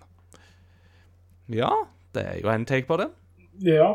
Uh, jeg, jeg, tenkte på når du snakket om at du har sett streamere, så gjør det uh, kult at de, de har liksom uh, plukket opp dette her med VR. Og det er jeg, som jeg har fått opp på TikTok en del, som uh, driver og streamer Skyrim VR. Og så har hun òg uh, makroa uh, fusroda til at hun må si fusroda og så uh, sier hun det på en veldig spesiell måte. First row da! så, så hun, bare, hun, bare, plukker opp folk i verden, og så bare hiver de opp i lufta, og så First row da! Så bare skyter de av gårde. Uh, det gir timevis med underholdning å se på hun der spiller Skyrim i VR. For å bli en snikanbefaling, det, da. Ja. Uh, yes. Da, jeg eh, valgte meg ut Scorpus, Adrian. Uh, mm -hmm. Og jeg må bare si at uh, Discord-bildet hans med Astrobot gjorde, var det som utslaget. At jeg valgte han, og at han nevner Half-Life Alex. han sier yay til VR fordi det er så mange spennende titler, som f.eks. Half-Life Alex. Som forresten minner meg på at jeg ennå ikke har hatt muligheten til å teste RE, altså Resident Evil Biohazard VR. Får chills bare av å tenke på det. God menn. Blir til tider litt overivrig. uh, og da kan jeg bare si, Adrian, uh, sjekk ut uh, Resident Evil Biohazard i VR. Det er en opplevelse som er verdt å få med seg. Jeg er mm. veldig glad i Resident Evil Biohazard i utgangspunktet, på flatskjerm. Da ble jeg ca. ti ganger bedre i VR. Mm. Så absolutt verdt å sjekke ut. Mm. Jeg tenkte at uh, jeg skulle ta Benjo sin uh, Men før jeg tar den, så tenkte jeg faktisk jeg skulle ta en som tikka inn akkurat nå, fra en ny Discord-bruker. Mac back at you. velkommen som skriver Jeg synes at VR ikke er den beste ideen å reboote igjen. Spillene som kom med VR når det var populært, var ikke det mest populære, mest imponerende for det meste, med unntak av Beat Saber og Resident Evil 7. Og med tanken på den nye strømmen med open world-spill, så tror jeg at VR ikke vil klare å adaptere sjangeren skikkelig. Ja, det er jo et interessant take, da, men spørsmålet er jo om man uh, går liksom for en sånn ren én-til-én-adopsjon, eller om du får ting som er mye mer tilpassa, sånn som du jo da skildrer med både Half-Life Alex og Horizon Call of the Mountain. Ja, eh, og det er egentlig litt av balansegangen med VR. Eh, eh, som Vi snakket veldig mye om VR, men jeg snakket lite om det. Men mine tanker rundt VR er at det må ikke være Det må, må ikke være en ting som på en måte skal ta, ta over for tradisjonell gaming. Det må eksistere mm. ved siden av. Og det er liksom da tror jeg at flere og flere tar inn over seg av disse som driver med VR-utvikling, vet at det er en nisje, vet at det er et litt mindre marked. Men eh, med å vite da, og satse på den måten, så satser de jo på at eh, de vil fange interesse til de som har interesse for VR-spill. Eh, og, og det vil ikke alltid være jeg Skyrim er kult, da, altså, men det er jo ikke min foretrekkende måte å spille Skyrim på. Det er det jo ikke. Nei. Jeg vil fortsatt spille Skyrim med kontroller eller mus-tastatur hvis, hvis, jeg får muligheten. Men det, er en kul kuriositet. Men hvis de hadde lagd et Elder VR-spill som var for grunn av laga til å være et VR-spill, så hadde jeg vært veldig interessert. Mm, ikke sant. Kommer an på hva man gjør med det, rett og slett, og hvordan man tilpasser det. Mm. Det så det blir spennende å se uh, om VR2 kan skifte noen sin i løpet av året som går. Uh, for de som hører på, og som har lyst på å svare på lytterposter i framtida, så er det våre sosiale mediekanaler som er plattformene for det. Facebook og Discord er hovedkanalene for dette. Og lenker finner du på crossovergaming.no.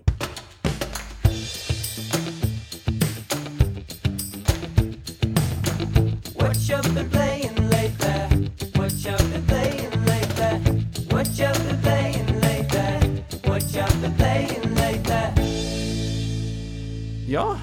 normalt så tenker jeg jo at det er kjekt å la gjesten få fortelle hva de har spilt i det siste, men nå har du jo fortalt så mye om VR-titler og sånt, så kanskje jeg som skal Kanskje jeg som skal begynne denne gangen her. Ja, jeg har ikke spilt VR. For du må gjerne gå i gang en gang. Jeg må, ja, det... må ta igjen pusten min ennå. Jeg er ikke helt kommet til hektene etter den tiraden. Så. Men det, det er null, null stress. Uh, nei, altså det, siden sist så har det jo vært på en eh, Japan-ekspedisjon sammen med 18 gamere. Og man skulle jo tro at når du reiser til gamingens eh, hjemland og reiser med masse gamere, at det blir masse gaming på en sånn tur.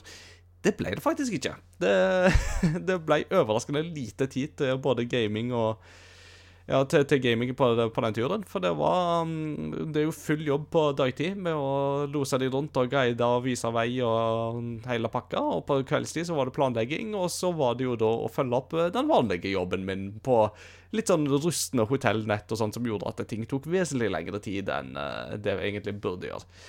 Så mm, det ble ikke så veldig mye gamingtid på de ukene mm, jeg var i Japan.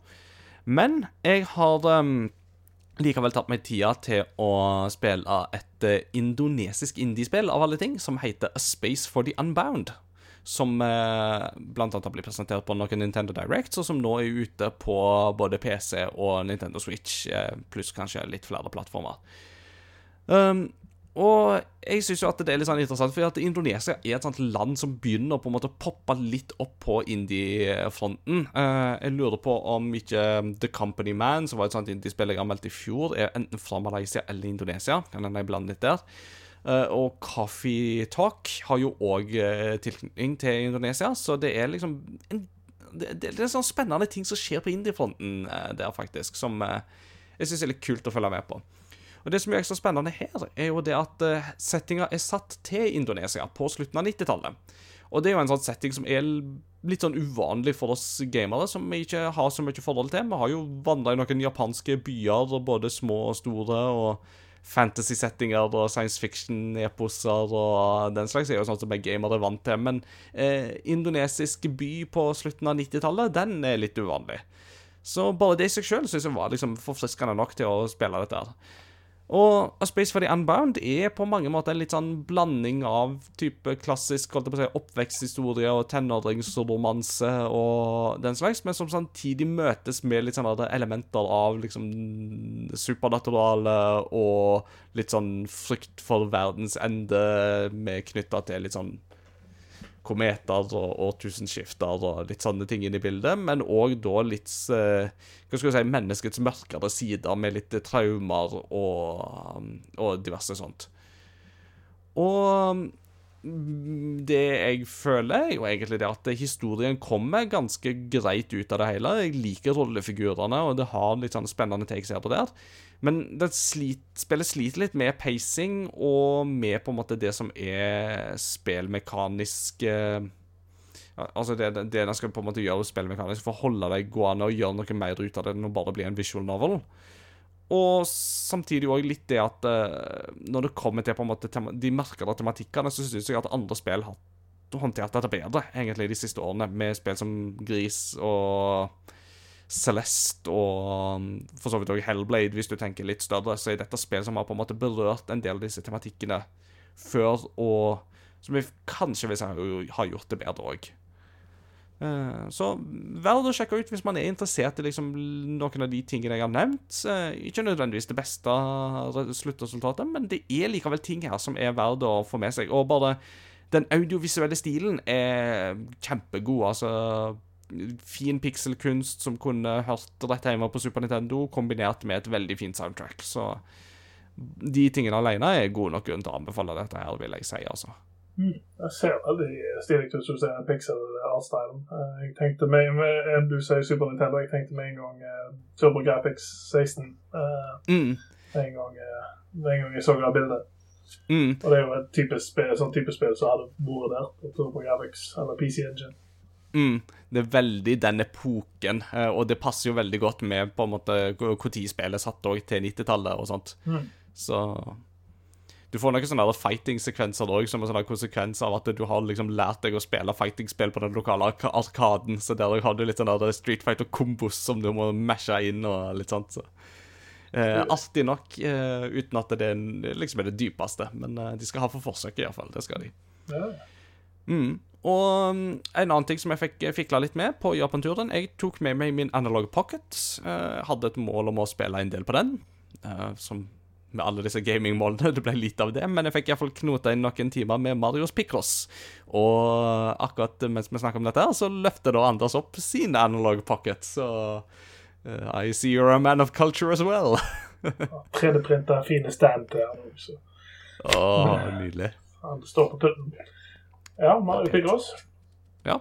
Det er kjekt, det. altså. Det er Picross er jo eh, noe som har putra godt eh, Det finnes jo flere Picross-spill på Switch òg, eh, og det er jo Jupiter som lager de òg, som jo lagde Marius Picross back in the day. Og det er liksom bare noe med at dette er et spill jeg har vokst opp med, og som bare er litt sånn tidløst for meg, på samme måte som at Tetris er det for noen, så er Picross litt sånn for meg òg. Det er sånn veldig pick up and play, og veldig deilig å bare sitte med når du skal vente på å gå inn på flyet, eller eh, vente på taxa, eller et eller annet sånt. Og, ja. Ja, Picross. eh, Mario, jeg har spilt Mario Picross faktisk på Analog Pocket, jeg òg. Ja. Og eh, det er, det er et spill som er sånn Eller Picross eh, var vel en ting jeg snubla over på en hørte på en podkast og snakket om de spillene. Så, og det er sånn Du havner inn i en sånn transe av eh, liksom bare at eh, du, du bare sitter og leser disse passordene, egne tegn, tegn, tegn, og så bare Mm. Er du, eh, har du å gjøre på over lengre tid hvis du vil. Perfekt. Vi Jeg tror at for deg som tar buss og sånne ting, så må det være perfekt underholdning. Mm. Og nå på Japan-turen så var jeg veldig eh, bevisst Eller en ting som jeg så veldig direkte etter, var Picross 2.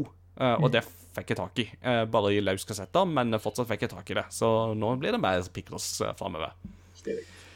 Eh, og, men jeg har eh, faktisk fått tid til å pusle litt med noe litt større òg etter at jeg kom tilbake. Og da har jeg endelig fått uh, knota inn en fire-fem timer i Hogwarts Legacy.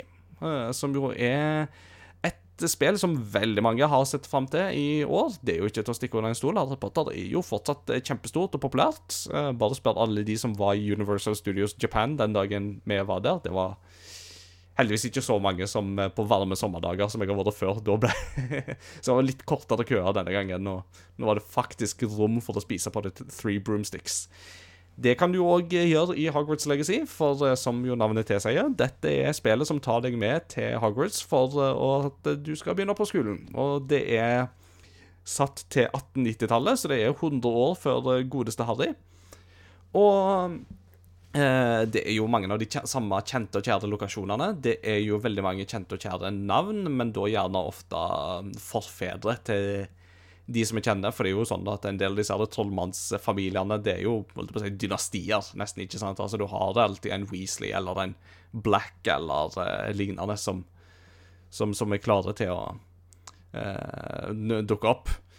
Eh, og jeg må si at uh, sånn foreløpig så er um, Inntrykket er greit uh, foreløpig. Uh, det har ikke tatt helt flatt av for meg ennå. Det synes, kommer nok kanskje av at jeg er enda litt i på en måte oppstartsfasen. Mm, spillet bærer, bæres veldig mye av ditt forhold til Hogwarts og Harry Potter-universet. Er dette noe du er glad i, så føles dette absolutt som en sånn drøm, der når musikken kicker inn og kjente lokasjoner eh, du ser de, så er det bare sånn at 'Jeg er på Hogwarts!' Uh, Men det er jo samtidig tydelig at dette er ikke et studio som på en måte pusher noen nye grenser når det kommer til den åpen verden-utforskingselementet. Og graf både grafikk og lyd har ting som er verdt å pirke litt i. Eh, stive ansiktsanimasjoner som på det verste ja, Det blir litt slemt å si at på det verste så minner det meg om Mass Effect Andromeda. Det er ikke helt på det nivået, det, det er det ikke, men det er litt sånn Jeg kjenner et sånt gufs fra fortiden på det verste der. Du regner med du spiller med mannlig karakter? Eh, ja, denne gangen så har jeg valgt men uh, jeg vil bare si at det, det, det legger veldig godt merke til uh, For jeg spiller ikke spillet. Jeg, jeg, jeg har starta en karakter, men jeg har så vidt kommet i gang. Det er et par timer jeg har lagt inn her, for jeg har vært opptatt med andre ting. Men samboeren min har spilt dette veldig mye. Hun er veldig Ja. med, med, å fullføre det nå. Og, og da mener jeg fullføre det 100 nesten. Hun har en del timer i det. Uh, og um, hun spiller jo da som en kvinnelig karakter, og en ting som er veldig tydelig, er at uh, de kvinnelige karakterene har ikke fått like mye oppmerksomhet som de mannlige karakterene når det kommer til hvordan holdningen til kroppen og hvordan de Mm. beveger seg. Det, det er litt dette som Ubisoft en gang sa, at grunnen til at de ikke hadde kvinnelige assassins i Assassin's Creed, var at kvinner var så vanskelig å animere. Eh, det, det er et eller annet rart med måten de står framoverlent når de skal liksom Hvis du springer, og så stopper du, og så står de i en sånn active pose, og de ser ut som de luter i ryggen skikkelig, ser ut som en hunchback. Mm. Uh, Så det, det preger av at det er et spill som de, de har hatt et mål med det, og det leverer på den der fantasien med, med å gå på Hogwarts, liksom. Mm. Men det er ikke et spill som bryter ny grunn på noe som helst område. Uh, Og det er Du begynner også liksom å se litt grann, etter hvert jeg har bare sittet sett på med andre spillere og tatt over kontrollen av og til for å hjelpe til, men du merker òg at eh, det er en grunn til at Rumpeldunk ikke er i spillet. eh, Fordi, Mm. da, fordi de har ikke noen løsning for det. Det er liksom Nei. alt i spillet eksisterer i samme kontekst. Ikke det, det er ikke delt opp på noen måter. Liksom. Altså, kampsystemet er veldig likt. Måten du løser puzzles på, det er og måten du tar deg frem på, måten du senere som du vil oppleve med å få den uh, kosteskaftet og sånne ting, så, Mm. og, fly, og fly på det. Du merker at det er veldig mekanisk. Liksom. Det, ikke, det har ikke den der flyten som du hadde forventa av et annet trippel A-spill. Nei. Det, det, det virker som de har prøvd å pakke mest mulig ting inn i det, og gi liksom akkurat nok oppmerksomhet til de tingene, til at det flyter bra. Og Mm. det kjører ikke spesielt bra på Series S heller, kan jeg med- det Verken framerate, uh, prioritize framerate eller prioritize quality. Mm. Begge ser mushy ut og kjører ikke spesielt bra. Nei. Nei da, så det er litt um, et, et inntrykk som jeg ga til noen som spurte om det, så var det liksom Bryter dette her noen ny grunn? Nei, det gjør det slettes ikke. Men er det gøy for fansen? Uh, det vil jeg absolutt tro at, det- at det er. Uh, så må jeg ha litt mer tid på dette her for å på en måte se litt hvor det lander, da. Uh, det må jeg jo. Mm. Ja, nei, absolutt. Det, det, det er så, som en uh, hadde skrevet kjærlighetsbrev til fansen. Sant? Og så Mm. kommer, kommer det jo med den der lasta av at uh, Ja, to, hun uh, Rowling er jo ikke akkurat i vinden om dagen og sånne ting. Det har jo, men der må jeg bare Og Sigrun så hadde en ganske fin sånn forklaring av hennes syn på det Mm. som transperson. Og jeg syns det er forfriskende å, å høre liksom, deres punkt, for jeg, jeg føler veldig mange av de som snakker om spillet, ikke er transpersoner. De er ikke faktisk berørt av det sjøl. Mm. Det, det har vært veldig mye snakk om dette spillet, om boikott og sånne ting, men det var veldig uh, kjekt å høre. Ikke bare fordi at jeg er enig med henne, det, er Mm. det var en annen ting, det, men uh, høre hennes syn på det. Og, Mm. Absolutt. og hva vi tror effekten av en boikott hadde vært, om noe. Ikke sant. Ja, det, det, er jo, det er jo ikke til å stikke under en stol at dette spillet har jo havna midt i en uh, storm av kontroverser. eh, og noe av utfordringa med det er jo det at eh, man det, det blir litt vanskelig å vite hva for noen stemmer man skal høre på, for veldig mange stemmer er veldig opptatt av å rope veldig høyt i dette her. Eh, men eh, vi er jo veldig heldige i vårt community med at vi har Sigrun, eh, som er en transperson, og som har veldig oppegående og reflekterte tanker rundt dette. Så gå gjerne inn i vår Discord-server på Spilldiskusjon og se hva eh, se hva som er skrevet der. Det tenker jeg at der er vi heldige som har så oppegående folk i vårt community. Og som viser det at det går faktisk an å tenke mange tanker i disse diskusjonene her. eh, Og likevel lande på at det, det, Men det, det, det, går, det, er lov å sette seg ned med dette og kose seg, tross alt. Eh, Ja, altså, og det er eh, det, er veldig som, som du sier, det er veldig mange folk som har meninger om det og sånne ting. Og, og veldig noen stemmer som prøver å være høyere enn andre. Jeg, jeg, jeg, alle, alle er frihet til å ha sine meninger om det, men jeg føler liksom at det har blitt så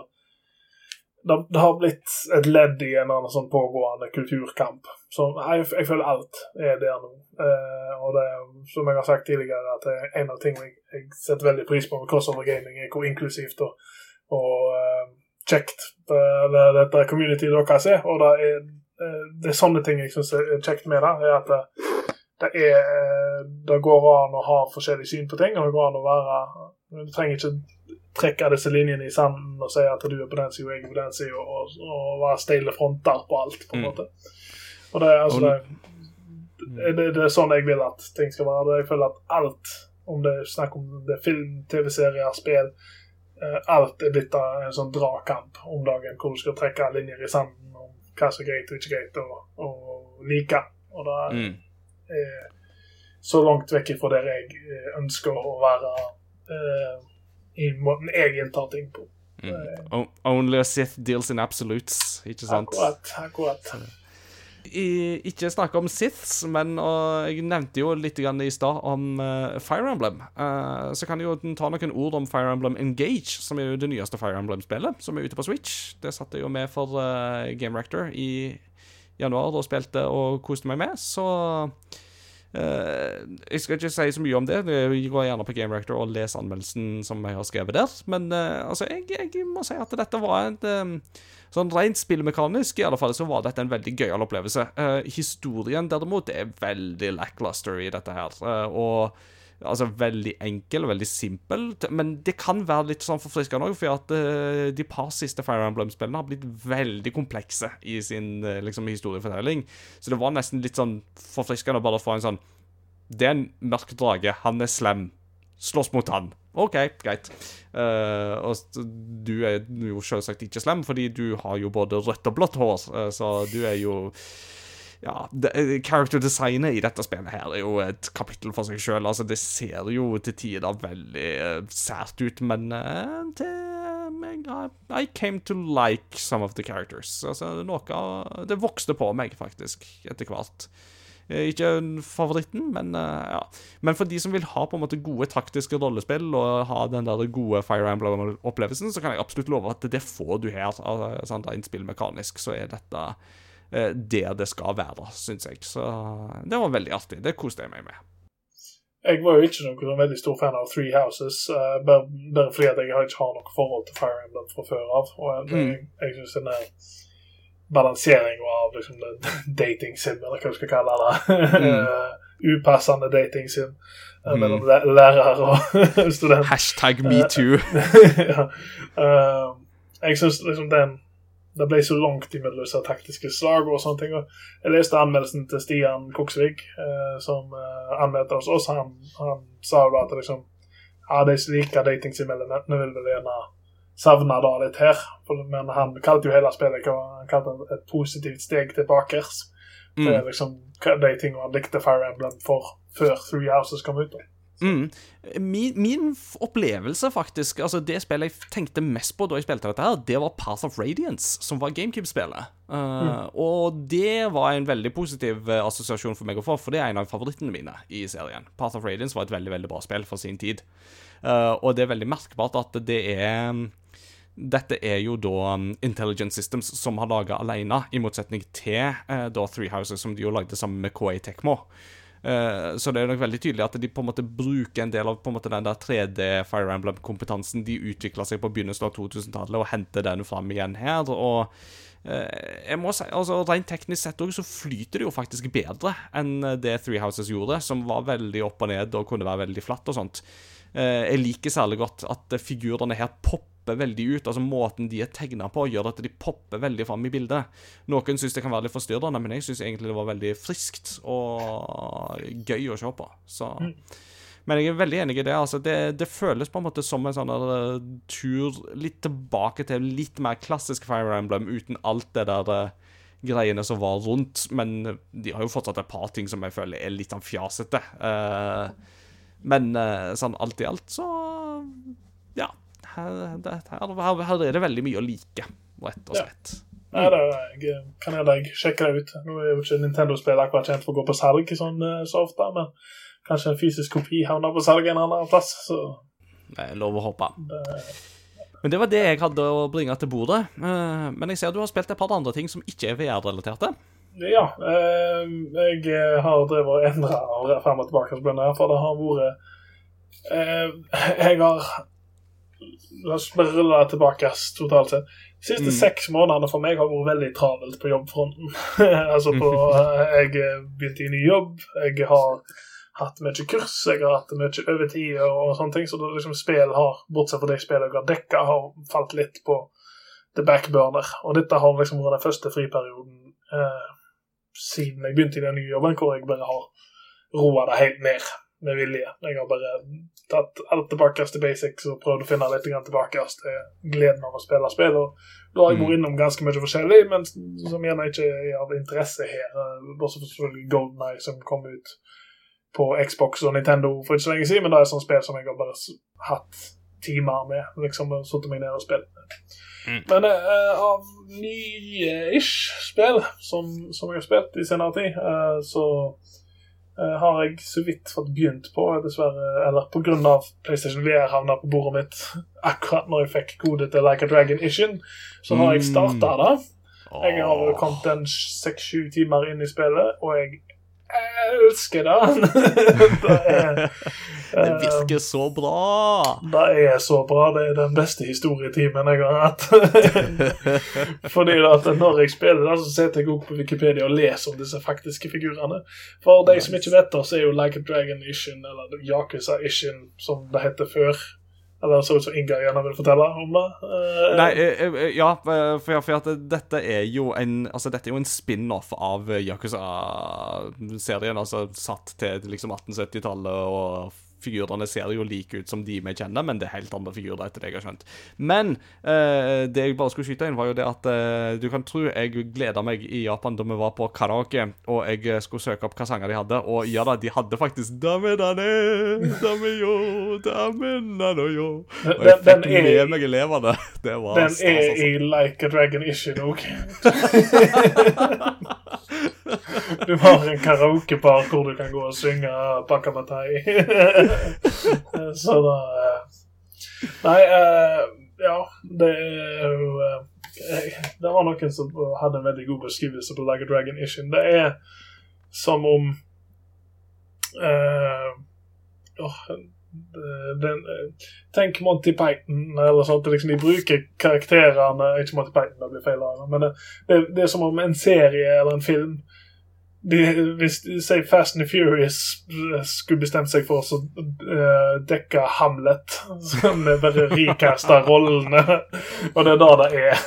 Det er liksom Du spiller ikke som Kyrju, men karakteren du spiller som, ser ut som Kyrju, og Majima er med, og liksom alle ser, og det er satt rett før shogunatet sitt fall, og liksom den er veldig sånn revolusjonstid i Japan, så Mm. eh, Og måten de har skrevet historien rundt faktiske historiske ting, er strålende. Og det er liksom sånn at jeg sitter på Wikipedia og leser meg opp på disse karakterene, og, og det er sånn akkurat nok eh, eh, De har ak akkurat løse nok i skriving av historien rundt detaljene om hva som skjedde, av hva historikere mener har skjedd Mm. til at de klarer altså å vri seg unna med, med en god del sprø ting, da. og det er sånn i typisk uh, Like a Dragon-stil. Så det er jeg er veldig fascinert av det. og Jeg, eh, har, har planer om å spille mer om det, men Yakuza og Like a Dragon-spiller er spill som tar meg lang tid å spille. Uh, Mm. Men uh, det er definitivt et spill jeg kommer til å spille mer av framover. Mm.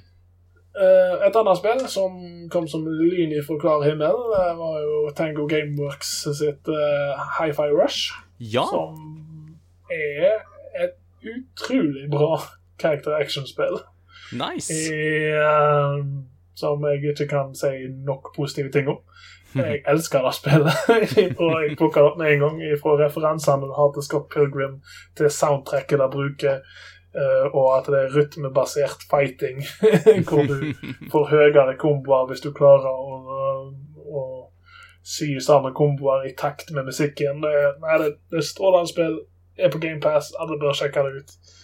Det så veldig ut som noe for meg og skal definitivt sjekkes ut. Og det at de bare snikdroppa det på den måten, det syns jeg var eh, veldig artig, altså. Og så Ja. er det så gøy at eh, Tango har liksom nå utvikla seg til å lage tre ganske forskjellige typer spill. Altså med Devil Within 1 og 2, og så har du Ghost Warrior Tokyo, som er på en måte litt kjent, men samtidig veldig annerledes igjen fra den formen. Og så har de da kommet med Hi-Fi Rush, som er veldig annerledes igjen fra det. Så det er sånn veldig Jeg liker det der. Jeg liker det at de spinner på veldig forskjellige ting.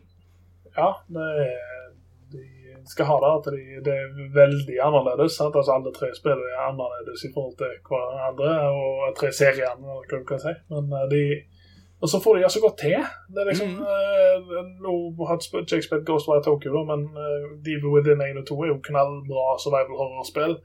Eh, og så kommer de plutselig med et character action-spill som er en sjanger som var veldig overbefolka på PlayStation 2 og, og generasjon og PlayStation 3-generasjonen av spill som var liksom sånn ah, vi, vi, vi klarer ikke å ta igjen Devil May Cry likevel, så det er ikke vits å prøve. Men her prøver de. De skyter for uh, Skyter mot kongen og bommer ikke, for å si det sånn. Altså, de er, det, er, det er liksom sånn Devil May Cry, Bayonetta, uh, High Fire Rush. Det, det er oppi det sjiktet der. Sweet. Det er, det er utrolig kjekt spill. Og uh, du er ikke ferdig etter du har fullført storyen heller, og du har en ekvivalent til Bloody Palace i spillet og sånn de får Devil May Cry, så det, det er plenty å gjøre i det. Og, det, Kult. og da så ser det så bra ut. Mm. Selvshada stilen. liksom Hele verden beveger seg i takt med musikken. Alt, nei, det, det, at eh, de klarte å holde det der skjult såpass lenge, og så kommer det ut, og så er det så bra. Det Hatten av, altså. Jeg, eh, jeg ble helt bergtatt. Mm. Uh, Metroid Prime Remaster den snakket vi litt om tidligere, uh, Mm. som jeg har spilt. Jeg har ikke kommet veldig langt i det, men jeg har, jeg har spilt den. Og jeg, uh, jeg ser hva alle mener når de eh, skryter over hvor god remake det er. Mm. Du merker jo at det er liksom sånn konseptuelt så har det jo en sånn ting. Du, du går rundt og skanner veldig mye i det spillet. og de har liksom ikke funnet en god måte å, å gjøre det på, sånn, for siden det er jo en, det er en remaster, det er ikke en remake. Sant? Så, det det, så du gjør det fortsatt på samme måte som du gjorde på GameCube. Men det, det, det er sånn Du går rundt og Litt sånn du, Jeg går hele tiden med følelsen som Gandalf er liksom sånn at eh, Jeg vet ikke hvor jeg er henne nå. og så er det fordi at jeg har glemt å skru på Scanviser. Så Mm. og så var det Steam hadde sånn demo eh, Hva var det de kalte det for? Førslipsfestivalen? Hva var det de Ja. kalte det for? Eh, Hvor det var masse masse demoer som var tilgjengelige. Jeg prøvde bare to, og av de to så var det én som er verdt å nevne seg, og det var System Shock-remaken. eh, Ja. Som skal komme. Og jeg har ikke spilt det første System Shock noen gang. Jeg har spilt System Shock 2 en god del ganger, og jeg er veldig stor fan av eh, liksom, spill som System Shock og System Shock 2 inspirerte, da, i form Mm. av De- Deus Ex. eh, Bioshock ja, folk er jo litt uh, splitta på hvor opprinnelsen til immersive sim-sjangeren kommer. Var det Ultima Underworld, eller var det System Shock? mm. Uh, men de spiller jeg liker best, er de som har tatt veldig mye fra System Shock uh, og System Shock 2. Det, da snakker vi da Deus Ex og Prey og, Mm. og Dishonored og, eh, og Bioshock. Uh, og Atomic Heart kommer jo nå òg, som jeg har vært, lyst til å sjekke ut. Uh, men System Shock 1 var veldig mye mindre immersive sim enn det jeg gjerne trodde at det var, siden jeg egentlig aldri hadde spilt det. Men så ser du bilder av hvordan det så ut når det kom ut, og bare Ja, jeg var fire år når dette spillet kom ut, og det ser jo ut som det går i ett bilde i minuttet, liksom. så jeg skjønner jo hvorfor jeg ikke har spilt. Mm. System Shock 2 var veldig annerledes. Mm. og, eh, mer likt det spillet jeg likte. Men denne System Shock-remaken er, som jeg skrev i artikkelen her, jeg skrev et sånn inntrykk av han, og uh, det gjorde meg nostalgisk på et spill jeg ikke har spilt før, fordi at det, det, alt talte veldig til meg. Eh, omgivelsene, med måten du eh, tar deg fram på, måten du må programmere dører og sånne ting Mm. finne koder, teste deg inn. Altså, det er alle disse tingene vi liker på Immersive Sim. Du ser hvor det opphavet kommer fra, og så har de klart å fange en sånn visuell stil som er det minner om det gamle designet hvor en løy det høres ut i et moderne spill. Mm. Men det ser òg helt sinnssykt bra ut. Så det, Nice. jeg eh, gleder meg veldig til det. Ja. Det, vi har jo i alle fall en, eh, en meget aktiv System Shock 2-fan i vårt community i form av Martin, som eh, jeg tror gleder seg veldig til å sjekke ut hva System Shock-remaken har å by på. I come across over gaming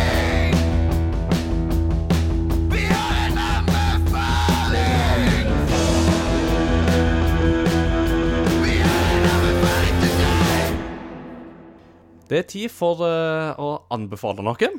Det syns vi jo er veldig gøy. Uh, og eh, da spurte jeg jo om du hadde lyst til å anbefale noe, Anders, og det hadde du. Så um, hva vil du anbefale?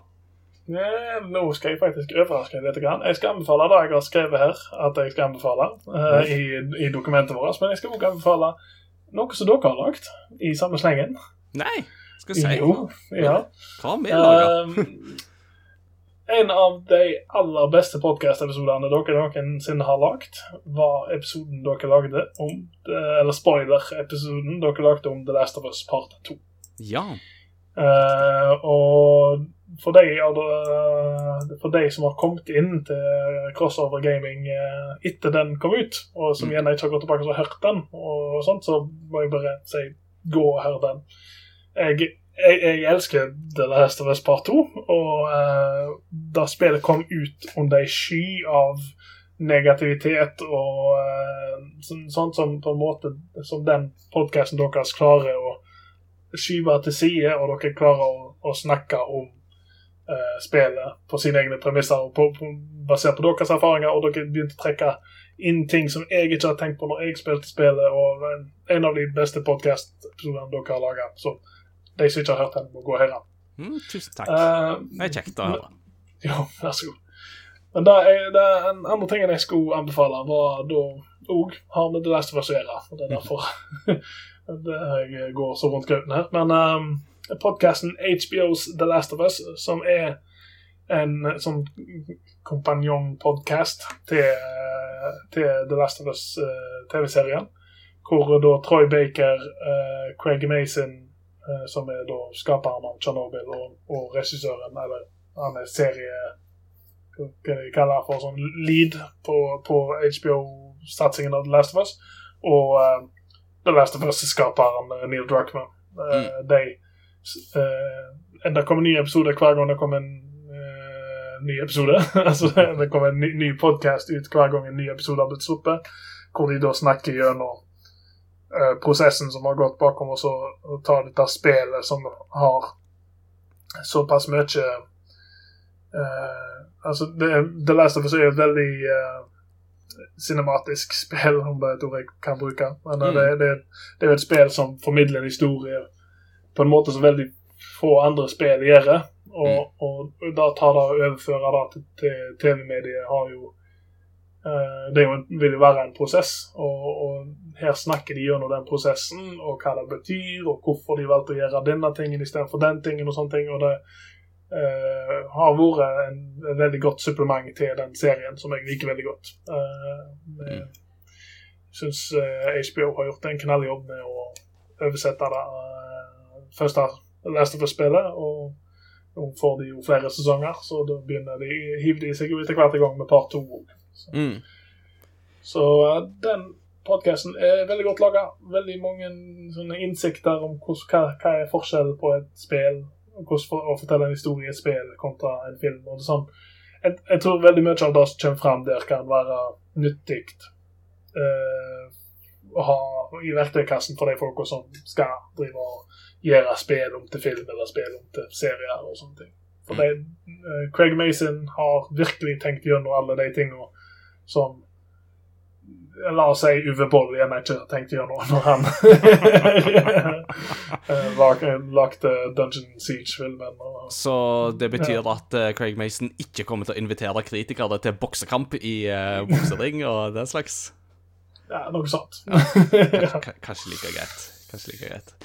Nei, men uh, Og serien i seg sjøl får uh, varm anbefaling for meg òg. Jeg er litt uh, bakpå uh, etter Japan-turen, så jeg har bare sett fire episoder så langt. Men eh, det, dette er TV, stor TV, rett og slett, så det er bare å få det sett. Og etterpå så kan du høre på podkasten HBOs The Last of Us. For dette er en hebreke pachinko-kontroller til Super Nintendo.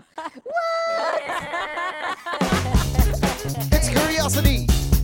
What are you gonna show to me? It's curiosity. What a neat thing to know. It's curiosity. What are you gonna show to me? I haven't even heard of it. What a neat thing to know. It's a great the show. I um, kuriositetssjiktet så tenkte jeg at det hadde jo vært gøy hvis vi klarte å holde dette her litt sånn på tema, med litt sånn VR og um, add-ons og peripherals og kanskje litt sånn 3D og sånne ting. Og altså Switch har jo ikke Altså, du har jo Switch Labo, eh, som er et slags eller, forsøk på å skape noen sånne VR-greier. Jeg har jo ikke testa det så mye sjøl. men eh, Nintendo har jo faktisk eksperimentert mye med 3D opp gjennom årene. Eh, Virtual Boy er et veldig kjent eksempel på hvordan det gikk veldig dårlig. 3DS er jo et eksempel på hvordan det gikk litt bedre. Men Virtual Boy var faktisk ikke første forsøket til Nintendo på å lage 3D. Faktisk så slapp de noe som kaltes for Famicom 3D System eh, på den japanske Nintendo Entertainment System så tidlig som 1987. Altså for 35 år siden. Så slapp de et eh, par med 3D-briller, som eh, da du kunne bruke med enkelte sp eh, dedikerte spill. Det ble en flopp, eh, men eh, det er likevel interessant å se at de måte, Ja, tenk, tenke seg til. Men, men det er så interessant å på en måte se at allerede på slutten av 80-tallet så tenkte liksom Nintendo at ja, det der med 3D og gaming, det, det det, hører sammen, og det har en framtid, og Ja. Altså, Sega prøvde seg jo på noe sånn tilsvarende med at du hadde jo Sega Scope 3D glasses. Eh, men dette her virker for meg som noe litt mer sånn forseggjort, for at det var jo sånn det med active shutters og Ja, at du kunne koble til med At du måtte koble til med 3,5 mm jack og Ja. At du fikk et sånt stereoskopisk bilde da, som følge av dette her. Så jeg bare syns det er så interessant at uh, allerede på 80-tallet så var man på en måte i gang med å tenke i de banene. Så det syns jeg var liksom verdt å trekke fram. Famicom 3D Systems.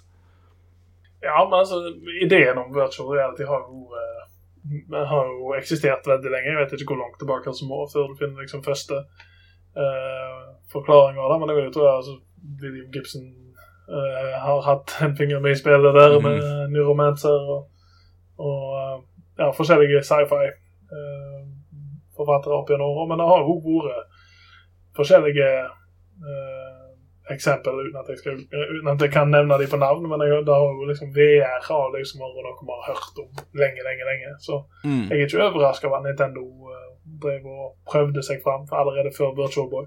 Mm. Og uh, de trakk vel Virtual Boy av markedet før de fikk en masse søksmål mot uh, et av ødelagte øynene til folk. Så uh, nå vet ikke jeg om den der Famicom 3D-system hadde noen tilsvarende ulemper med seg. Nei, det, det var vel mest bare det at det var visst clunky å bruke, men òg bare det at det var så få titler som støtta det. Så det var bare litt for eksperimentelt, rett og slett. Men det var jo på den tida man gjerne ga ut eh, sånne eksperimentelle peripherals eh, til, til konsoller. Man, man var, prøvde seg jo litt mer fram på den tida der, kan du si. Gjort da i lag med den eh, Sega sin Activator, som var den Mm. der ringen, sekskanta ringen som du kunne stå i, så du kunne trakke på Mm. forskjellige plasser. Eh, For da blir jo det neste nå. altså Når jeg sitter med Grand Turismo med ratt og pedaler og VR-headset, så må jeg jo bare få meg en sånn Omni 3D-mølle, sånn som i Ready Player One. Ja, ja, ja. Og så eh, en sånn harness, så jeg kan holde meg eh, Så trenger jeg aldri gå ut av huset mitt igjen. Jeg. Dystopien er allerede over oss ved, ved. Så spørs det om man eh, vil anse det som en positiv eller negativ ting. Det kommer jo litt an på hvordan du leser Ready Player One, tenker jeg. Da, Ja. ja. Vi nærmer oss en, um, en avslutning. Um, og jeg vet ikke um, Når det kommer til postludium uh, Altså, jeg har, jeg har en i bakhånd, men jeg vil gjerne på en måte spille ballen til deg hvis det er noe du ønsker å tone ut episoden med, som du har tenkt på. Nei, jeg, eh, jeg har ikke kommet på noe, eh, faktisk. Nei. Det jo å spille noe fra The Last of Us. Hadde jo vært passende så bra som det er nå, men jeg skal ikke legge noen føringer. Jeg, jeg, Ja. Eh, det er jeg som svikta. Mm, nei, Last of Us har vi jo brukt det et par ganger før, eh, så kanskje for å skape litt variasjon. Så altså, nå når jeg var i Japan, så var det en ting som jeg òg så veldig mye etter, i tillegg til Gameboy-spill, var jo um, forskjellige soundtracks til spill. Uh, for det får man jo gjerne tak i i Japan, og der gis det jo gjerne ut fysisk. Eh, og det er jo flere ting som kun gis ut fysisk, og som egentlig ikke slippes digitalt. Eh, Så eh, på den fronten der. Men jeg ser på dere, Nintendo. Eh, Spotify får det gjort, eh, men det er en, en annen kjepphest. Men et av soundtrackene som jeg jo da har fått uh, lagt inn og kost meg med nå de siste par dagene, er jo da soundtracket til Near Replicant uh, av uh, Keiichi Okabe. Uh, som jo er en fabelaktig kompo komponist. Og mm, et, en sang som går igjen i både Near Replicant og Near Automata, er jo Song of the Ancients. Så jeg tenkte vi skulle bare ha en sånn eh, liten rolig akustisk eh, variant av eh, Song of the Ancients ifra da Near Replicant som avslutning i dag. Dette er jo da en av sangene som jo faktisk ble spilt av under mm, inngangsmarsjen under Tokyo-OL eh, 2020-2021. Eh, da de jo da bare sånn Å nei, vi kan ikke egentlig bruke den OL-sangen vi egentlig hadde laga til, for det viste seg at han komponisten som lagde det, var skikkelig kjip fyr på videregående og terroriserte sine medelever. Vi røsker sammen noe spillmusikk i stedet, på kort varsel, så går det bra. og da var jo ja, Song of the Ages eneste jeg har vært interessert i OL i nyere tid. Altså, det var jo Trengte jo ikke mer enn det. altså, Det var alt jeg forventa. Og da var jo da Song of the Ancients et et av de stykkene som ble brukt der. Og som òg for så vidt dukket opp i Final Fantasy mm, 14, som jo var innom eh, tidligere i episoden. Så da ble det det i dag. Anders, tusen takk for at du tok deg tida til å eh, fortelle oss alt om PlayStation VR 2. Jeg kjenner jeg er enda mer gira enn det jeg var da vi begynte, så det er jo et godt tegn. Jo, takk for at jeg fikk komme. Jeg stiller alltid, vet du. Har du eh, men jeg ser jo hva trikset er her, og så bare ta alle disse tingene som dere vanligvis ikke dekker. Og så bare Hei, forresten, jeg har vært borti dette, dette, dette. Så, så hva neste ting blir, da vet jeg ikke, men eh, jeg, skal alltid klare å finne på noe. Ja, det vi er jo bare menneskelige, vi òg, og vi har den tida begrensninger på tida vi har, så det er godt at vi har flere vi kan spille på. Så det er veldig bra. Vi er tilbake om et par ukers tid. Vi snakkes da ved neste korsvei. Ha det bra!